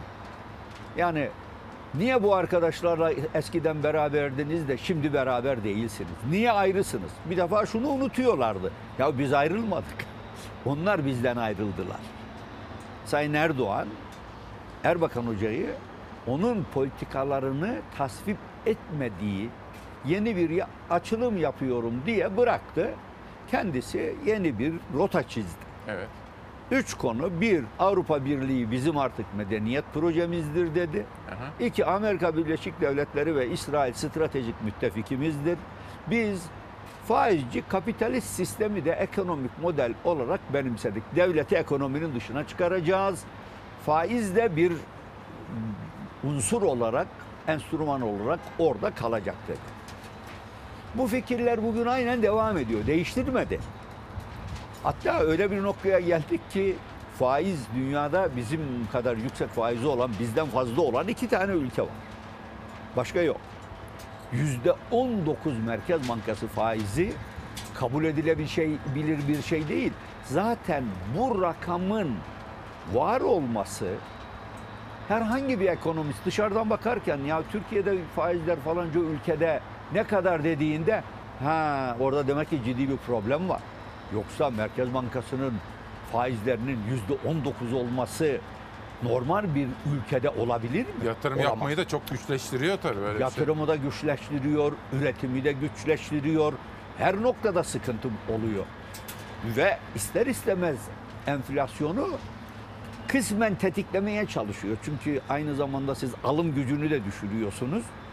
Orada m, parayı daha bollaştırabilmek için piyasada ama alım gücü düşüyor isterim. ister Eskiden istemez. size böyle diyorlardı. Niye ayrıldınız bu Erdoğan'dan? Ha, şimdi, ne diyorlar? Şimdi geldik. Şimdi ben özellikle AK Parti'nin güçlü olduğu bir yerde şunu söyleyeyim esnaf arasında bir kişi esnafın içinde biliyoruz biliyoruz sizi diye oturduğu yerden kalkmadı dükkanında o kadar. İki kişi de baba oğul kendi dükkanlarının önünden geçmiştik. Sonra benimle tekrar karşılaşınca kendisini tanıttı. Ben AK Parti il başkanıyım dedi. Efendice ama güler yüzle dedi. Ve onun dışındaki bütün esnaf perişanız dedi. Çark dönmüyor dedi. Alışveriş yapılmıyor. Elimiz hakikaten imkanlarımız daraldı. Yani bir kişi bir yerde ya dedi bugün ben sadece 80 liralık alışveriş yaptı, yapıldı benim bu yerimde. Ya ben kiram benim zaten bunun neredeyse 40-50 misli. Küçük bir yer. Evet. 80 lira. Ben diğer giderlerimi bir tarafa bıraktım. Kirayı bile ay sonunda ödeyemeyecek noktadayım. Bu bugüne mahsus değil. Genelde böyle. Onun için esnafın hali her yerde bu dediğim doğuda da böyle, batıda da böyle. Yani sadece işte efendim Diyarbakır'a gidiyorsunuz orada herkes perişan, oranın özelliği var. Onlar zaten tepkili. Bundan dolayı değil. Ama öbür tarafta haklarının çok güçlü Gördüğünüz olduğu tablo Ege bu. bölge, tabii Ege bölgesine Peki. gidiyorsunuz. Aynı manzara. Sayın Onun Genel için Başkan, bunlar tatmin etmiyor vatandaşı. Bir reklam arasına gidelim. Tabii tabii. Akabinde konuşacağız. Tabii Saadet Partisi önemli. Yani taşıdığı oy yüzdesinin çok daha ötesinde bir önem arz ediyor. Hangi ittifakta nasıl olacak? Bunları Cumhurbaşkanı ittifakı mesela dün Kılıçdaroğlu sizin tezinizi dillendirdi. Bu Evet. konuları da biraz sohbet etmek istiyorum. Değerli Türkiye'm bir reklam arasına gideceğiz. Ben konuğuma bir fincan sade kahve ikram edeceğim müsaadenizle. Dönüşte çok önemli siyasal gündem maddeleriyle sohbetimiz devam edecek. Efendim bir kez daha günaydın ve bir kez daha hoş geldiniz. Ankara'mızdayız, başkentimizdeyiz ve İsmail Küçükkaya ile Demokrasi Meydanı'nda 2 Eylül 2021 Perşembe sabahında konuğumuz Saadet Partisi'nin lideri Sayın Temel Karamollaoğlu. Çok sayıda sorularınız geliyor ilginize. Çok teşekkür ediyorum. Kendisine yöneltmek istediğim başkaca sorular var. İlk kuşakta hatırlayacaksınız. Başta seçim barajları, ekonomi, özellikle büyüme, esnafın durumu gibi temel konuları sohbet etmeye başlamıştık. Efendim bir de dün basın toplantınızda, haftalık basın toplantınızda da dikkatimi çekti. AK Parti'nin eski bakanlarından Erdoğan Bayraktar'ın yaptığı bir açıklama. Evet. Sonra Cemil Çiçek bir takım açıklamalar yaptı. Keşke dedi onlar Yüce Divan'a gitseydi. Ben o zaman meclis başkanıyken bunu savundum dedi. Evet. Erdoğan Bayraktar sözlerinin bağlamından koparıldığını söyledi. Siyasi amaçlarla kullanılmaması gerektiğini altını çizdi ama bu şu anda siyaset kulislerinde çok konuşuluyor. Siz bunu nasıl yorumluyorsunuz efendim? Efendim bu tabii aslında e, bugünkü iktidarın genel tavrı. Kendisini töhmet altında altına sokabilecek herhangi bir iddia olduğu zaman buz kesiyor. Bu konuda ne bir fikir beyan ediyorlar ne bir açıklama yapıyorlar. Bazen yasak getiriyorlar. Bu konuların medyaya e, yansımaması için ama onun dışında bu kadar önemli iddiaların normal olarak en azından meclis tarafından araştırılması gerekir. Ama dün de söyledim. Meclise bu gitti. Ne oldu? Konuşuldu. Sonra hepsinin üstü örtüldü. Hiçbir şey yok. Herkes kendi yoluna devam etsin denildi. Böyle bir mantıkla siz Adalet Sarayı yapsanız neye yarar? Bu meclisi on misli büyütseniz neye yarar? Bunun doğru dürüst bir mantığı yok. Sadece o değil, başkaları da biraz önce söylediğiniz gibi çıktı, açıklamalarda bulundular. Peker'in açıklamaları zaten Sedat Peker. Sedat Peker'in o bambaşka bir hava. Ne? Nasıl bir hava? Yani bana göre akıl almaz iddialar var. Akıl almaz diyorum. Hakikaten insan kabul etmekte zorlanıyor. E bunların araştırılması icap eder. O da diyor. Araştırın diyor. Tabii. ETS kayıtlarına bakın Bak- diyor, şuna tabii bakın diyor. Bunlara bakmayı hiçbir zaman düşünmüyorlar. Yani bugünkü iktidar anlayışının temelinde yapan biz kimseye hesap vermeyiz. Ama dönüyorlar biz kimseye hesap vermeyiz anlayışı var da onu şöyle söylüyorlar. Veriyoruz diyorlar. Ne Millete, zaman? millete. 5 yılda bir. Ya o hesap verme değil. Seçip millete hesap verme günü değil sadece. Evet orada da seçmen kendi tercihini kullanıyor. Sizin yapmış olduğunuz icraatlar karşısındaki tavrını belirliyor. Ama bu mahkeme yerine geçmez. Bu denetleme manasına gelmez. Denetleme teferruatla uğraşmayı gerektirir aynı zamanda. Söylenen sözler, yapılan icraatlar, belgeler bunların ortaya dökülmesi icap eder. Bu 17-25 Aralık'ta o bakanlarla ilgili mesele Çiğ'in ifade ettiği gibi Yüce Divan'a gitseydi belki aklanacaklardı. Daha iyi olmaz mıydı? Şimdi aslında masum olan insan Yüce Divan'a gitmekten korkmaz. Hatta ister. Çünkü gitsin Yüce Divan'a. Yüce Divan'da bütün belgeler ortaya dökülecek. Orada savunmasını yapacak insanlar arkasından bir karar verilecek. Ben şimdilik şu anda Yüce Divan'a güveniyorum yani makul şeyler çıkar diye. Ama maalesef üzülerek ifade ediyorum. Adalet camiasını genelini tenzih ederim. Ama çok kritik noktalarda adalete güvenemiyorum. Yok mu? Ne kadar Yani- hazin değil mi? Ben güvenemiyorum. Nasıl böyle oldu efendim peki? E, bu doğrudan doğruya birilerinin adalet müessesesine müdahale etmesiyle böyle oldu. Benim şahit olduğum konular var. Oralara müdahale edilmese farklı neticeler çıkardı. Bir Onları da biliyoruz. Bir saniye efendim. Evet. Şimdi bize de bazı bilgiler geliyor. İşte filanca kişi gidiyor diyor. İşte Adalet Bakanı bir bürokratı, çok önemli bir ismin avukatı, hakimlere, savcılara falan. Ama bu bizim duyumlarımız. Evet. Siz şimdi şunu mu diyorsunuz? Bazı davalara, yargıdaki bazı konulara siyasal müdahaleler olduğunu mu biliyorsunuz? Yani o kanaat değil. Yani yüzde yüz 99,99 deyin hani 10 binde bir hata da olsun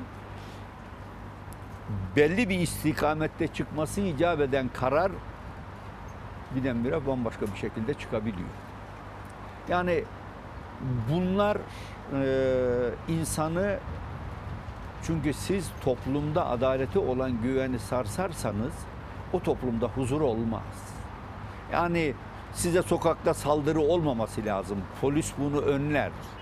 Ama polisin müdahalesi alenidir. Karşılığını da bulabilir. Fakat adalete yapılan müdahale kalıcı oluyor. Ondan dolayı da insanlarda bir güvensizlik duygusu oluşuyor. Ben bunu söylüyorum. O zaman da işte efendim Adalet Bakanı Sayın Gül ki ben samimiyetinden hiçbir kuşku duymuyorum. Evet. Ne yapmak istediğinden. Ama o zaman yapmaya çalıştığını yapamazsınız. Yani gerçekleşemez o Yok, zaman. ben Müdahale Sayın varsa. Bakan'a, ben Sayın Bakan'a Abdülhamit Gül'e bu konularda müdahil olduğu konusunda hiçbir şey söylemiyorum. Evet. Yani onu ifade edeyim. Başka siyasi Evet, müdahaleler başka, var. Başka müdahale, başka şekilde müdahaleler oluyor maalesef. Hatta duyumlarımız işte Ankara'da Adalet Bakanı bu müdahaleleri önlemeye çalıştığı Çalı- şeklinde. Doğrudur. Bize doğrudur. öyle bilgiler Yani geliyor. Bu kanaat Şimdi var. Sayın Evet. Genel Başkanım biraz evvel 17-25 Aralık için söylediğinizi Sedat Peker iddialar içinde düşünebilir miyim? Şöyle mesela bazı isimler var hani açık açık söylemiyorlar ama herkes aynı ismin olduğunu konuşuyor. O isimler de aslında bu Sedat Peker iddiaları yargı önüne çıksa, aklansalar veya neyse çıksa tabii, değil mi? Tabii tabii yani olması icap eden bu. Ya dünyanın emin olun hiçbir ülkesinde fikir, düşünce, inanç hürriyetinin olmadığı ülkeler hariç. Yani ben şimdi mesela Rusya bile eskisine nazaran daha ılımlı. Baskılar bilmem bir Stalin dönemindeki gibi değil. Orada bile bir takım hak aramaları var ama oradaki müdahalelerin de olduğunu biliyoruz, görüyoruz.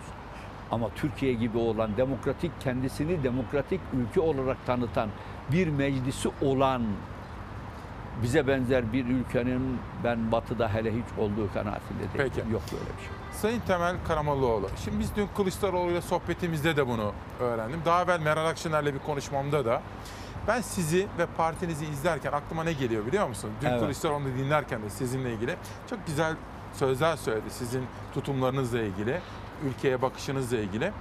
Özgür ağırlık diye bir kavram var. Hani Bülent Arınç'ın AK Parti içinde özgür ağırlığı yüksektir ya. Evet. Rahmetli zamanında Büyük Birlik de böyleydi. 7 milletvekiliyle Türkiye'nin kaderini etkiliyordu. Şimdi Saadet ve Temel Karamollaoğlu da çok önemli bir durumda. Evet. Onun için de siyasi bir takım girişimler oluyor. İşte Oğuzhan Asiltürk meselesi vesaire. Dün Sayın Cumhurbaşkanı yeni anayasadan bahsetti. MHP lideri Devlet Bahçeli de bunu daha evvel ifade etmişti. Türkiye bir zorlu dönemden geçiyor ama buradan da çıkmamız gerekiyor. Mutlaka. Siz bu konuda sahip olduğunuz gücü, etkinliği, bu değeri nasıl kullanacaksınız? Bu nasıl çıkacağız? Ya ne ben yapacağız? başlangıçtan beri şunu söyledim. Biz belli prensipleri olan bir partiyiz. Ve biz bu prensipleri pazarlık konusu yapmayız. Yani bunu söylerken biraz bazen 3-4 tane maddeyi sıralıyorum yeter bu kadar diyorum. Yani bir numaralı mesele bizim Türkiye'de huzur ve barıştır. Huzur ve barış. Yani bu liderlerin tavrıyla sağlanabilir. Yoksa askerin veya polisin sağladığı huzur ve barış değil. Birbirimizle oturup konuşabilmeliyiz. Ben falanca insanın hiçbir fikrine itibar etmem ama oturup konuşurum. Ben onu ikna etmeye çalışırım. O da beni ikna etmeye çalışsın ama ona küfür ederek konuşmaya başlarsam bizim bir şeyi görüşmemiz mümkün olmaz. Onun birinci meseledir bu. Huzur. İkincisi mutlaka fikir ve düşünce hürriyeti olacak. Bu olmadan olmaz. Bu bizim inancımızın temelinde yatar. Bakın ben ne diyorum? Bir Müslüman olarak, inanç olarak diyorum ki Cenab-ı Hak buyuruyor ki dinde zorlama yoktur. Zorlayamazsın kimseyi senin gibi inanmaya ve düşünmeye. Bu fikir, düşünce, inanç hürriyetinin temelini teşkil eder. Bu neyle sağlanır? Adaletle sağlanır. Adalete herkes güvenecek. Adalet iktidarın inhisarında olmayacak. Tam tersi. Esas iktidar hata yaptığı zaman ben hakime gidip şu yanlışı durdur diyebilmeliyim. Böyle bir imkan var mı? Bu olmadan olmaz.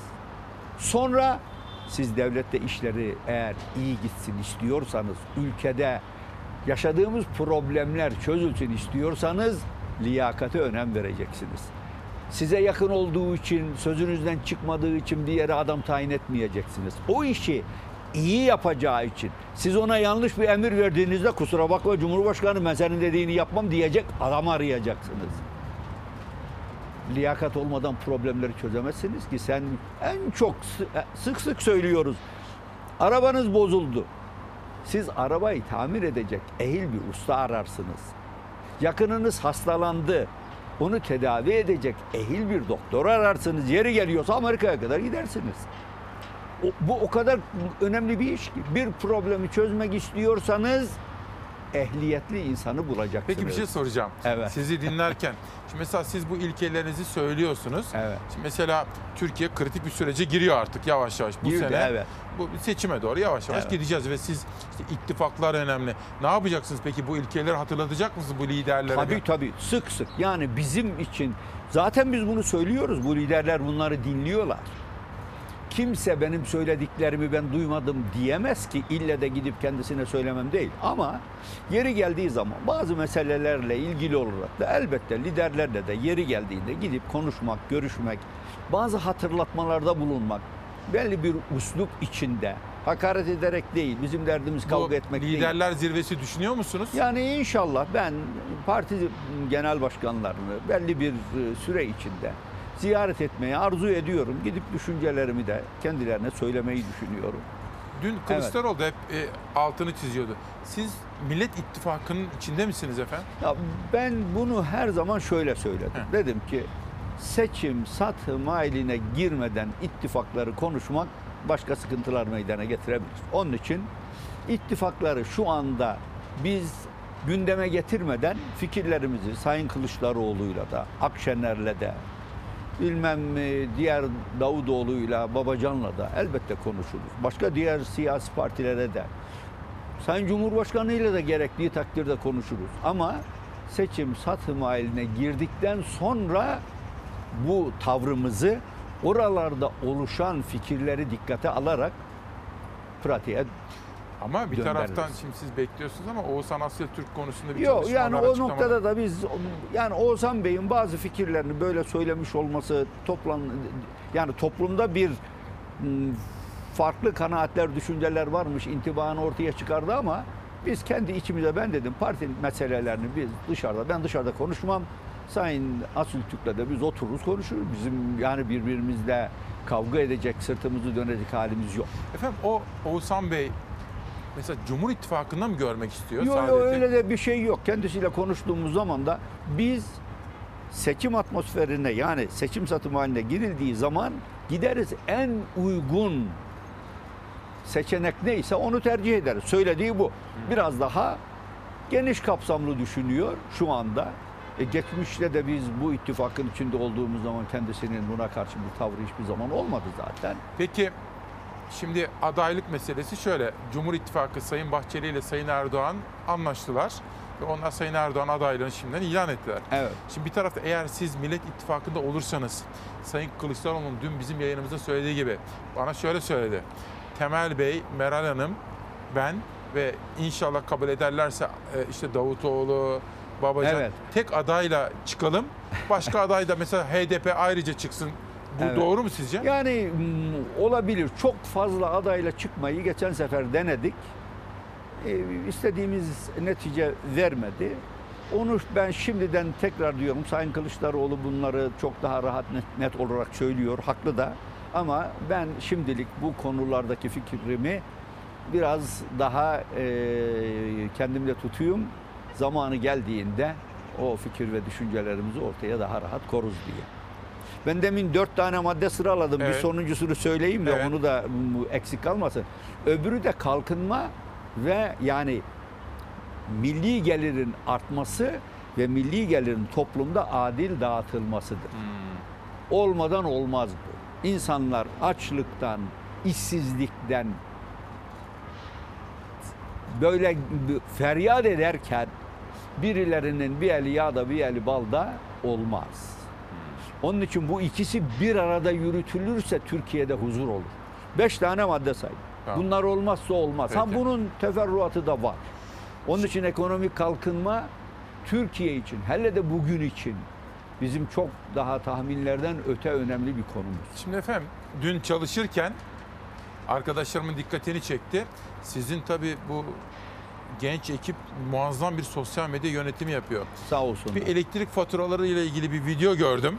Onu bir Evet. savaş hazır mıyız? Bir izleyelim bakalım. Saadet lideri kendi partisinin hazırladığı bu elektrikle ilgili video konusunda ne diyecek merak ediyorum.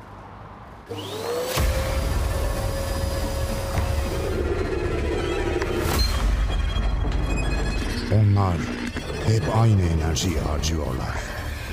Ama faturalar tüm hesapları alt üst etmek için geliyorlar. Elektrik zam üstüne zammın ardından artık cep yakar hale geldi. Faturalar her ay daha yüksek geliyor. 4 kişilik bir ailenin elektrik gideri 5 yılda 94 liradan 210 liraya yükseldi. Bu ekonomide şahlanış yok, korku var. Fatura her ay tüm kapılarda. Türk ekonomisi atılım ve şahlanış dönemine girdiğini ispatlamış oldu. Evet Saadet Partisi'nin elektrik faturası konusundaki hazırladığı video. Ben arkadaşları tebrik ediyorum. Hakikaten güzel fikirler üretiyorlar. Küçük bir grup ama e, güzel çalışmalar Kim bunlar efendim? Nereden bu? Yani Ya muazzam bunlar işler öyle e, uzaydan getirdiğimiz insanlar değil. Evet. Memleketimizin içinde yaşayan bizim genç kardeşlerimiz ve güzel fikirler üretiyorlar. Sağ olsun. Yani muazzam çalışıyorlar. Evet, evet. Bir de efendim görüşünüzü şöyle merak ediyorum. Şimdi Millet İttifakı'nın belediye başkanları var. İşte Evet. Mansur Yavaş olsun, Ekrem İmamoğlu, Vahap Seçer, Zeydan Karalar hepsi. Bunları nasıl görüyorsunuz? Şimdi artık siz tecrübeli bir siyaset adamısınız. Estağfurullah. Ben Böyle tabii baktığınızda- belediye başkanlığı da yaptım. Evet. Ee, Aslında teferruat e, da İstanbul'da da yaşamadığım için kesin olarak e, Sayın İmamoğlu'nun faaliyetlerini uzaktan gördüğüm kadar müspet adımları var. Tam olarak bilmiyorum ama Sayın e, Mansur Yavaş çok farklı bir insan olarak ben şahsen kendisini görüyorum. Bir defa e, bu da bir üslup. Kendisini hiç öne çıkarmayan bir insan. Yani fotoğrafları falan zaten Ankara'da dolaşın. Hiç görmezsiniz. Onların kendi müesseselerine gittiğiniz zaman da görmezsiniz. Ama çok ciddi, çok güzel adımlar atıyor. Tebrik ediyorum ben. Aslında bu belediyecilikte ya, belediye başkanlığı başka bir iş. Belediye başkanlığının özelliği siz yaptığınız hizmeti kısa zamanda kendiniz görürsünüz. Attığınız adımların neticesini Bu alırsınız. soruyu size niye sordum biliyor musunuz Evet. efendim? Çünkü sizin içinden çıka geldiğiniz, halen de içinde bulunduğunuz ekol aslında bu belediyeciliği evet. getirdi. Doğru. Hatta aslında bugün Erdoğan iktidar diye bir şey varsa kökü Doğru. oraya geliyor. Evet. Ve uzun yıllar ama e, özellikle AK Parti zamanında bu işte CHP Şimdi CHP'li demeyelim onlara artık Millet İttifakı'nın belediye başkanları. Bunlar da işte bizim gibi yapamazlar bu işi diyorlardı. Fakat bunlar tabii bir şeyler yapmaya başladı. Evet Tabii. enteresan bir Tabii, görüşünüz tabii. onun için merak Yani ettim. bu burada belediye başkanlığı e, milletvekilliğine falan bakanlığa da benzemez. Siz bir defa halkla iç içesiniz. Her gün sizin kapınıza birisi gelip kapınızı çalıp ya başkan benim şu işim perişan oldu. Ben şu sıkıntıyı çekiyorum diyebilir veya teşekkür edebilir.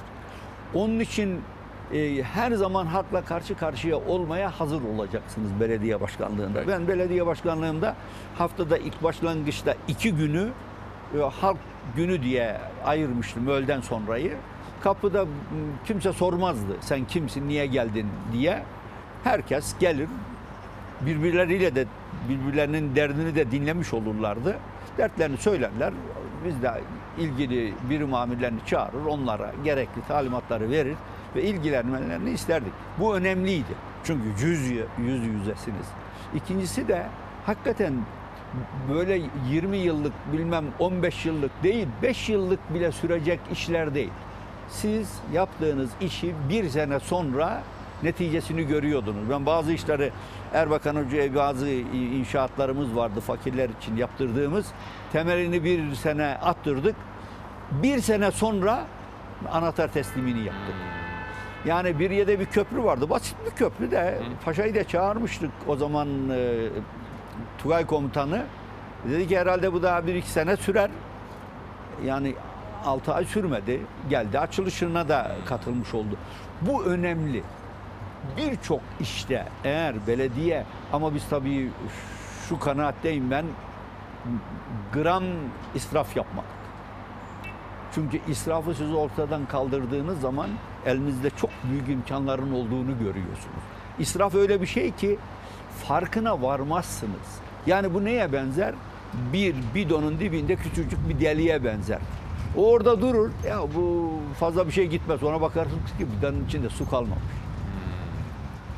Şu anda bugünkü iktidarın benim kanaatim en büyük eksikliği israfı israf olarak görmemesi. İsrafı bir kendi itibarı için vesile olarak görüyor ve bunu böyle oldu Biz muydu buna Mansur Yavaş'a gittik efendim iki gün önce uzun uzun sohbet ettik. Orada eski rakibi Özhaseki'nin ya bu geldiği zaman belediyeyi yönetemeyecek çünkü zaten ekonomik olarak durum yok dediğini hatırlattı bize. Fakat dedi geldik dedi şu kadar zamanda şu kadar para yaptık. Nereden buldunuz dedim kaynağı dedim. İsrafı önledik dedi. Şimdi O hep- kadar. o çok aynı önemli. aynı şey. Bu, bu yani akıl için yol bir. Bunları çok kolaylıkla halletmek mümkün. Onun için Türkiye'nin şu anda vatandaşın en büyük yani birkaç tane derdi var. Yani bunun başında başı sıkıştığı zaman adalet aradığı zaman bu çok önemli. Kendini emniyette hissedebilmesi lazım. Peki. Ben giderim devlet de benim hakkımı almamda bana yardımcı olur. İkincisi de rahatlıkla geçinebilmesi lazım. Kendi çocuğunun, yakınlarının ihtiyaçlarını mutlaka karşılayabilmesi lazım. E bu da ancak ekonomi belli bir seviyeye gelmişse, yatırımlar belli bir yere gelmiş, ülke güçlenmişse mümkün olur. Yoksa e, herkesin hali iyi demek, herkesin halinin iyi olduğu manasına gelmiyor. Sayın Temel Karamollaoğlu, efendim çok teşekkür ediyorum Demokrasi. Meydanı'na katkı verdiniz. Bir saniyenizi alacağım, bir haberi aktarmak istiyorum. Efendim, tabii nereye bakayım arkadaşlar? Buraya bakayım. Ferhan Şensoy'u kaybettik. Bir kaybımız daha var, onun haberini izleyeceğiz şimdi. İnci Çayırlı'yı kaybettik. Allah'tan rahmet diliyorum her ikisine de. Sanat dünyamızın, tiyatro dünyamızın önemli isimleriydi. Tiyatro dünyamızdan da bir kayıp var. Ve biz buradan bir acı haberimizi daha sizlerle paylaşmak istiyoruz. Yağmur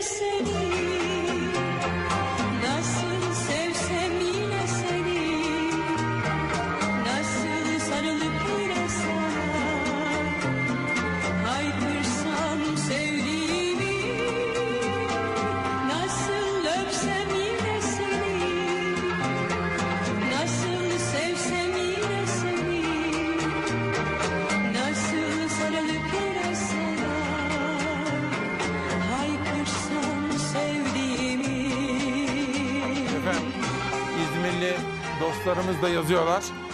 Müziği alalım arkadaşlar, müziği alalım. Alalım müziği. Şimdi İzmir'den çok sayıda arkadaşımız da yazıyor. İş dünyasından önemli bir isim Selim Yaşar. İş dünyamızın saygın isimlerinden Selim Yaşar da hayatını kaybetmiş. Çok sayıda izleyenim yazıyorlar. Ona da Allah'tan rahmet diliyorum. Bu arada izin verirseniz çok kıymetli bir tiyatro sanatçımızla ilgili de Nusret Çetinel. Nusret Çetinel'i de kaybettik. Onlara da kendisine Allah'tan rahmet sevenlerine başsağlığı diliyorum efendim. Tabii bu hafta Ankara'dayız. zafer haftasındayız. İsmail Küçükkaya ile Çalar Saat'in 9. yılındayız Fox'taki. O nedenle Ankara'dan başladık bu hafta. Yarın İstanbul'da olacağız. Aslında yarın da Ankara'daydık fakat konuğumuz İstanbul'da olacağı için onu oradan ağırlayacağız. Dolayısıyla bu ilginize ne kadar teşekkür etsek azdır. Bu arada bir de sinema dünyasına bir haberimiz vardı. Hazır mı arkadaşlar? Onu da izleyelim. Hayatım boyunca on halka ailemize güç verdi. Bir gün senin olmalarını istiyorsan onları taşıyacak gücün olduğunu kanıtlamalısın. Shang-Chi gizemli 10 halka organizasyonunun ağına çekiliyor. Geride bıraktığını sandığı geçmişiyle yüzleşiyor. Deneselerdi adamlarıma seni öldüremeyeceklerini söylemiştim.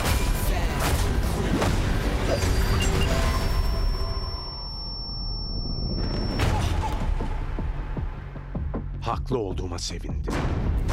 Shang-Chi ve 10 halka efsanesi macera ve aksiyon severlerle buluşuyor. Filmin influencer ön gösterimi de dün akşam yapıldı. Shang-Chi ve 10 halka efsanesi filminde Simu Liu Shang-Chi rolünü oynuyor ve maceraya atılırken geçmişin izleriyle karşılaşıyor. Geçmişinden kaçamaz.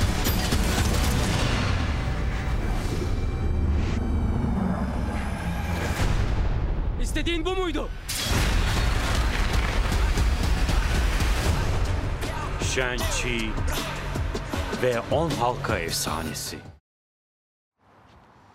Efendim içinde bulunduğumuz 9. yılımızda da köylünün, üreticinin sesi olmaya gayret edeceğimiz gibi özellikle pandemi koşullarında çok büyük zorluklar yaşayan esnaf kesiminin de sesi olmaya gayret edeceğiz. Hangi siyasi partiden kim esnafımızın yanına gider, onların derdiyle dertlenirse de onları buradan duyurmaya devam edeceğiz. E, Biz kırtasiyeciyiz, okullar kapalıydı. Şimdi yeni yeni bir hazırlık var. Dışarıda asıl olan çantalar benim bir buçuk sene al- önce aldığım çantalar. Allah. Şimdi ben bir buçuk senedir depomda tutuyorum. Ee, onu ödemek için arabamı sattım ben. Ürünleri satın aldı ama pandemiyle okullar kapanınca planladığı satışı yapamadı kırtasiyeci. Kimisi arabasını sattı, bazıları mali yükü kaldıramadı dükkanını kapattı. CHP, kırtasiye esnafının durumunu Kayseri'de tarihi Sahabiye Medresesi'ndeki kırtasiyecilere sordu. Bir hafta kaldı, haftaya açılacak okul. Alınıyor mu? Hayırlısı bakalım. Şu anda daha bir hareket yok. Allah Allah. Büyük marketlerimiz bu küçük esnafı bitiriyor. Bitiriyor değil mi? Sadece okulların kapanması değil, zincir marketler de etkiliyor satışlarını. Esnaf, CHP Genel Başkan Yardımcısı Faik Öztrak'a büyük marketlerin kırtasiye satışlarını kötü etkilediğini anlattı. Veli geliyor peçete istiyor, işte ıslak mendil istiyor. Ben o tür şeyleri satmıyorum. Onu satan marketleri satsın ama benim işimi de bana bıraksın. Doğru. Yani herkes kendi işini yapsın. Siz nasıl vekilliği yapıyorsunuz? Biz de esnaflığı yapıyoruz. O kira desteği falan yani geldi sabah 9'da 10'da EFT geldi 15 dakika sonra dağıldı bitti. Yani dağılacak bir şey de yok zaten ortada.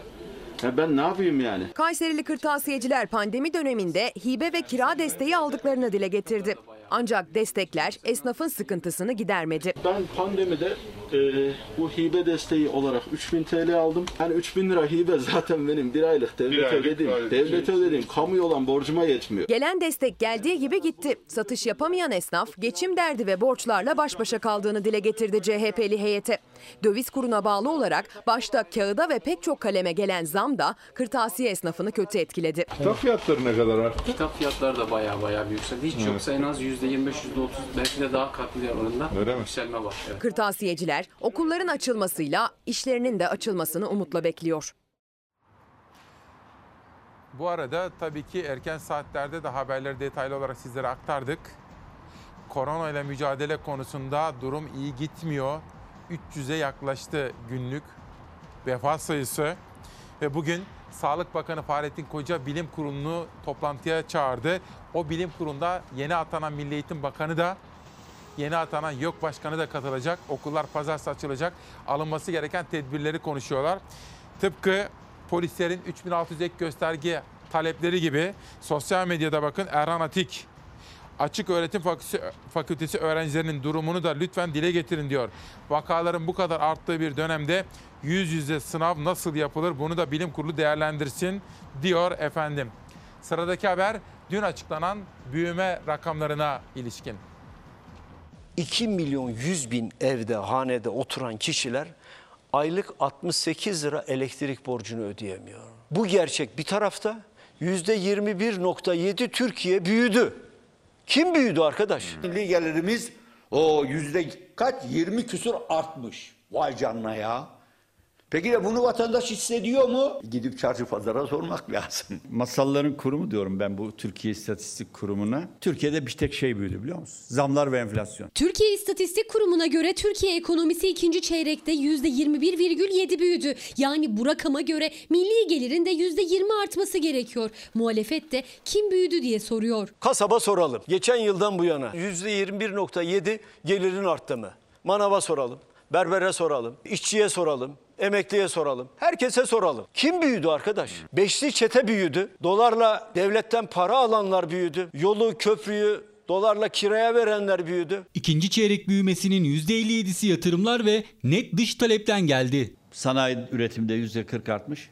İşsizlik neden büyümüş? Yani sanayi üretiminin %40 büyüdüğü yerde işsizliğin küçülmesi lazım. Açıklanan büyüme istihdam yaratmamış, işsizliği ve yoksulluğu azaltmamış, baz etkisiyle ortaya çıkmıştır. Çalışanların milli gelirden aldığı pay düşmüştür. Büyümeden beklenen topyekün zenginleşmektir. Halk yoksullaşırken bir avuç insanın daha da zenginleşmesiyle övünülmez. Muhalefet, Türkiye İstatistik Kurumu'nun büyüme rakamı yanıltıcı diyor. Büyümenin vatandaşa yansımadığını söylüyor. Hazine ve Maliye Bakanı Lütfü Elvan da büyüme rakamına ilişkin açıklamasında halkın zenginleşmesine değil, gelir dağılımındaki adaletsizliğe dikkat çekti. Açlık sınırı açıklandı. 2927 lira. Asgari ücret 2825 lira. 2825 lirayla bu hayat pahalılığında açlık sınırının altında aylık alan %21.7 neresi büyüdü bu adamın? Sürdürülebilir ve kapsayıcı bir büyüme için düşük enflasyon, kur istikrarı ve öngörülebilirlik kritik öneme sahip. Gelir dağılımı adaletini daha da iyileştirecek bir büyümeyi sürekli kılmanın çabasındayız. Yüzde 600 artmış dış borç. Şimdi birileri diyor ki büyüdük. Ya arkadaş o kadar rakamlarla oynamayı adet haline getirdiniz ki Ortada büyüme değil şişme var. Şişen de yandaş 3-5 şirketin bilançoları ve iktidardakilerin kibirleri. Büyüme tartışmasının gölgesinde hemşire, din görevlisi, polis ve öğretmenlerin beklediği 3600 ek göstergede muhalefetin gündeminde. Son toplu sözleşme masasından da erteleme kararı çıkmıştı. Kılıçdaroğlu 3600 sözünü yineledi. 3600 ek göstergeyi vereceğiz. Hiç kimsenin endişesi olmasın. Efendim bağımsızlığımızın teminatı reklamları bir izleyelim. Dönüşte sizlerle Ankara'dan vedalaşalım. Sonra ver elini İstanbul yarın görüşeceğiz.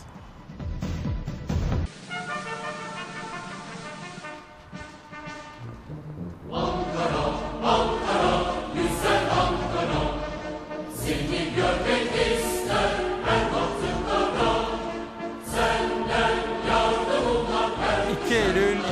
2021 Perşembe gününde de böyle buluştuk. Etkilendiğinizi biliyorum. Bizim coşkumuzu, ruhumuzu size yansıtmaya çalıştık. Katkınız için, varlığınız için teşekkür ediyorum. Emeği geçen bütün ekip arkadaşlarıma, gerek Ankara gerek İstanbul ve danışmanıma, bütün Fox ekibine içtenlikle çok teşekkür ediyorum. Sizlere de varlığınız için teşekkür ediyorum. Yarın sabah İstanbul'da sürpriz bir konu ve konukla Görüşene kadar hoşçakalın.